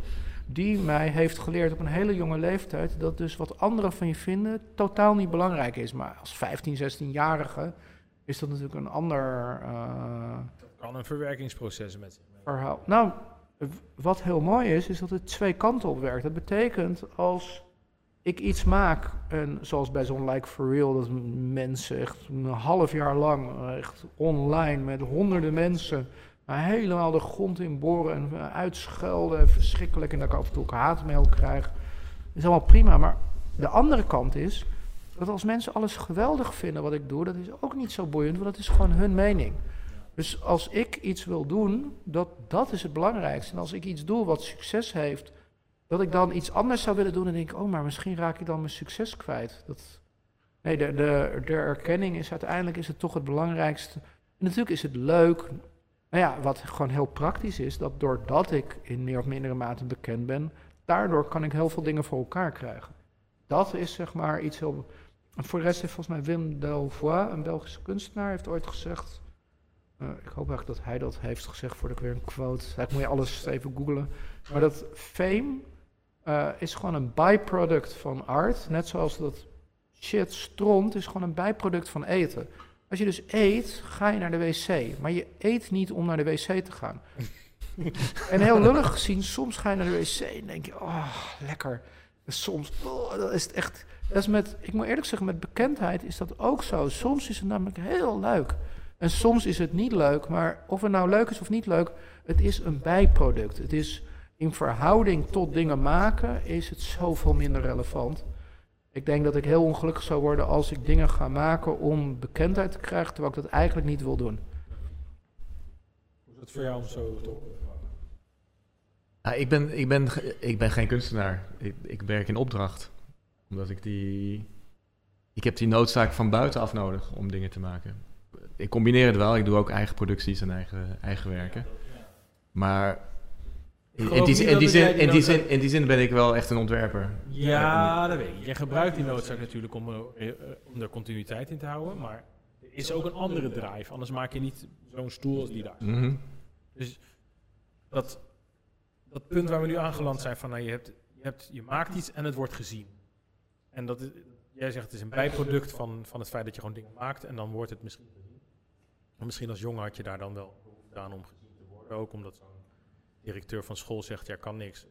Nou ja, maar het is natuurlijk sowieso, is het op een gegeven moment, is het, dat merk ik ook aan veel andere mensen die ik ken, uiteindelijk leef ik gewoon in een droom. Ik heb het, ik me serieus zeggen, af en toe heb ik dat ook, dat ik denk, wauw, ik had dat nu ook met het maken van deze expo, dat ik gewoon denk, Daniel, dit is gewoon een droom. Ik, ik leef gewoon in mijn droom, maar als jonge gast, ik denk of dat nou of, je muzikant bent of kunstenaar, het is toch je droom. En je weet gewoon dat je dat is wat je gewoon wil. Want ik weet ook nog dat een van de allereerste artikelen die ooit, een van de allereerste bladen die ooit over mij schreef, was De Oor. Een jaar of 21, denk ik, was een echt 21, 22. Dat was toen die house scene opkwam en ik inderdaad daar bekendheid uit uh, haalde. En in dat artikel, en ik weet die zin nog, stond er uh, dan over mijn schilderij gemakzuchtige maatschappijkritiek in hardbetonnen kleuren met de weekheid van een door hallucinogenen aangevreten acid hippie. Wauw. het is een hele mooie zin, maar het is in ieder geval, dat ik in ieder geval door had, dit is niet positief. En, die, en toen ik 21 was, dat deed pijn. Dat je gewoon wordt afgekraakt, omdat het ook zo dichtbij ligt. Maar dat, nu besef ik, ik word niet afgekraakt. Iemand vindt, en dat is prima als, want sommige muziek vind ik verschrikkelijk. Sommige muziek die ik geweldig vind, vinden mijn vrienden verschrikkelijk. Dat is prima. Het is, dat is het mooie ook van kunst. Er is niet een. Er is wel iets objectiefs dat je van iemand kan zeggen: wauw, die heeft echt een level. Er zit een kwaliteit in. Maar of ik het goed of slecht vind, dat is heel subjectief. Al, al doet een maatschappij misschien erover inderdaad met dat het veel geld waard is. Dit is goed en dit niet. Er zit heel veel subjectiviteit in. Dus het is prima als iemand het verschrikkelijk vindt wat ik doe. En dat is echt die persoon zijn mening. Dan is dat Sterker nog, als mensen echt, sommige mensen worden dus echt boos van ik doe, of die gaan dan uh, bij sommige projecten, denk je dat is ook prima, omdat mensen worden dan geraakt. Liever nog dat iemand dus de moeite neemt om zoveel creativiteit in een zin te leggen, omdat hij zich blijkbaar zo ergert aan wat ik doe, dan dat iemand denkt, nou, whatever. Ja. Ik vind whatever, vind dat, dat is dan dat is een vrij pijnlijke mening. Ja, dat is eigenlijk niks waard. Ja. Maar jou, we hebben het ook gezien. Mm -hmm. Hoe, wat, wat, hoe, hoe is het voor jou? Um, ja, ik was, toen ik 18 was, toen, toen had ik een keuze tussen muziek en, en, en, en tekenen. Dat is een beetje vergelijkbaar. En ik wist gewoon dat ik een betere tekenaar was dan een, muzikant. Dat, ik, ik, kon wel muziek maken, maar ik had, mijn gevoel van ritme was gewoon niet op niveau. Ik wist dat ik dat nooit ging oplossen. Dus, um, en toen zag ik een, een tentoonstelling van Giugiaro. Die maakte auto's en, ook vergelijkbaar met jou. Auto's en horloges ontwierp hij toen dacht ik, nou, dit is de, het, het leukste wat je kan doen als je, als je tekent, is ontwerpen. Dus ik heb, ik heb in die zin mijn hart gevolgd. Dat ik, uh, het leek me gewoon superleuk. Um, en na de academie, ik heb in mijn hele traject van de academie, heb ik, ook die, die, dat traject gemaakt van TU naar, naar steeds vrijer. En ook naar, ik ben begonnen op de TU via de academie in Eindhoven. Ben ik geëindigd op de Rietveld. Um, dus bij mij is het altijd een struggle tussen, tussen uh, toch een soort dienstbaar zijn door problemen op te lossen en mijn eigen creativiteit en expressie. En ik heb niet echt gekozen voor die twee, ik doe allebei. Ja. ja wat ik heel mooi vond op Eindhoven, want een van de gekste dingen die ik van die school vond, was dat er een lezing op een gegeven was van Joost Zwarte. Ja, Joost Zwarte is dus tekenaar. Ja. Joost Zwarte heeft gestudeerd, die volgens mij zelfs, ik weet niet of hij af, maar die studeerde aan de TU Eindhoven, die wou dus ontwerper worden. En toen dacht hij, ja, maar in één keer had hij zoiets, het budgetten en productietechniek, had hij allemaal geen zin in. En toen, en dat zei hij in lezing, zei hij, ja, maar als ik dus een stoel ontwerp en ik teken hem en ik plaats hem in mijn wereld, heb ik hem gewoon gemaakt. En dat vond ik dus geweldig, dat je kan dus, uh, je kan dus gewoon alles maken gewoon op jouw manier. Ik denk, als ik, dan bij, ik denk bijna dat dat het belangrijkste was van dat ik die lezing van jouw Zwart heb gezien in dat jaar op die school. Ja, dan moet ik nou over een vraag van jou kapen die jij bedacht had. van, ben jij dan het kunstwerk? Nee, ik, ik, ik ben, uh, ik ben niet het Nou ja, Ik heb heel lang uh, ben ik anoniem geweest, dus dat Dadara, mensen kennen die namen en ik zoveel mogelijk mijn hoofd uit de media weghield. Toen ben ik, uh, nou inmiddels zeg maar, toen met dat geldproject eigenlijk, maar echt, nee, Triniertopia, zeg maar, in 2007 ben ik gaan performen in mijn werk. Dat was ook een, echt wel een moeilijke beslissing, want ik werd in één keer onderdeel ervan. En ik merkte toen wel dat het voor mensen ook makkelijker maakte, omdat het minder abstract werd, dat ze een verbinding konden leggen met mij als persoon. Nu uh, ben ik het liefst weer wat anoniemer, maar ja, je kan nooit meer, als je eenmaal uit anonimiteit stapt, kan je natuurlijk niet meer terug. Maar er is ja, John Frusciante, dat is een held van mij, muzikant, was ooit gitarist van de Chili Peppers. En die heeft ook gezegd, net als met, um, dat met meditatie, dat via een object, dat je kan ook ergens anders komen. Dus hij zegt, door mij als persoon kan je bij mijn muziek komen. Dat het probleem van de westerse wereld vaak is, en dat die celebrity cultus, dat we blijven hangen bij de persoon. Hij, hij, noemde toen Jimi Hendrix, dat hij zei, ja, als mensen vragen wie is Jimi Hendrix, gaan mensen zeggen, ja, een black American met een afro die LSD nam en zijn gitaar in de fik stak. Maar hij zegt wel, eigenlijk als je wil weten wie is Jimi Hendrix, moet je een nummer van hem opzetten. Dat is. Dus dat het gaat om de ideeën en, en uiteindelijk zeg maar is het, is wat ik maak natuurlijk onderdeel van mijn persoon. Dus is het ook leuk om mijn gedachtegoed en dingen te weten, maar het gaat ik bedoel, het kunstwerk zijn de dingen die ik maak. Zo. Ja, we hebben nog één vraag te gaan. En dat is die, uh, we hebben een wishlist. En uh, nou ja, lezer die uh, staat hier op de muur. ja, ik had was maar keer langs geweest. En we denken en hopen dat hij nog een keer gaat langskomen. en dan, dan hebben we een soort van doorgeven vraag. Dus stel dat het ons nou lukt om een lezer voor de microfoon te krijgen. Wat zou je hem dan willen vragen? Nou ja, ik heb hem gisteren nog gezien, want hij kwam bij mijn expo. Uh, ja, ik weet niet. Ik, oh, die uh, vraag ook niet.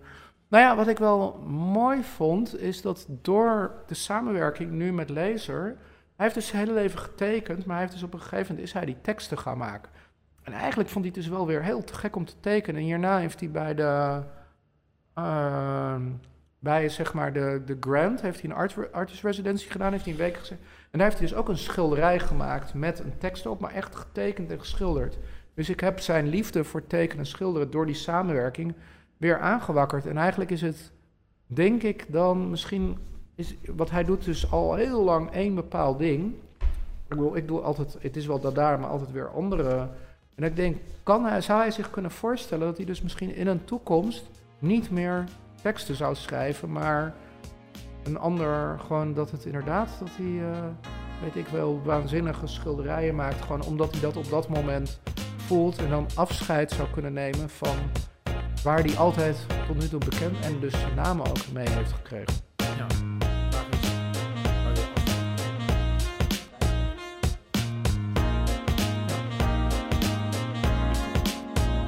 Ja, of hij dat voor zich Ja, dankjewel. Ja. Dat was uh, geweldig. Ja, Hoe lang hebben we Ja, daarom keek ik net dat ik dacht, nou nog meer. Dit is mooi geweest. Nee, maar ik moet ook, uh, dat ik niet dacht dat ik om vijf uur nog... Uh, nee, precies. Zou zien. Wel een beetje echt gelijk. Maar dat is deel van het... Dat binnen de tijd is gelukt. Maar deel van het format is, uh, er is geen, geen eindtijd. Dus uh, misschien gaat het een keer vijf uur duren. Ja.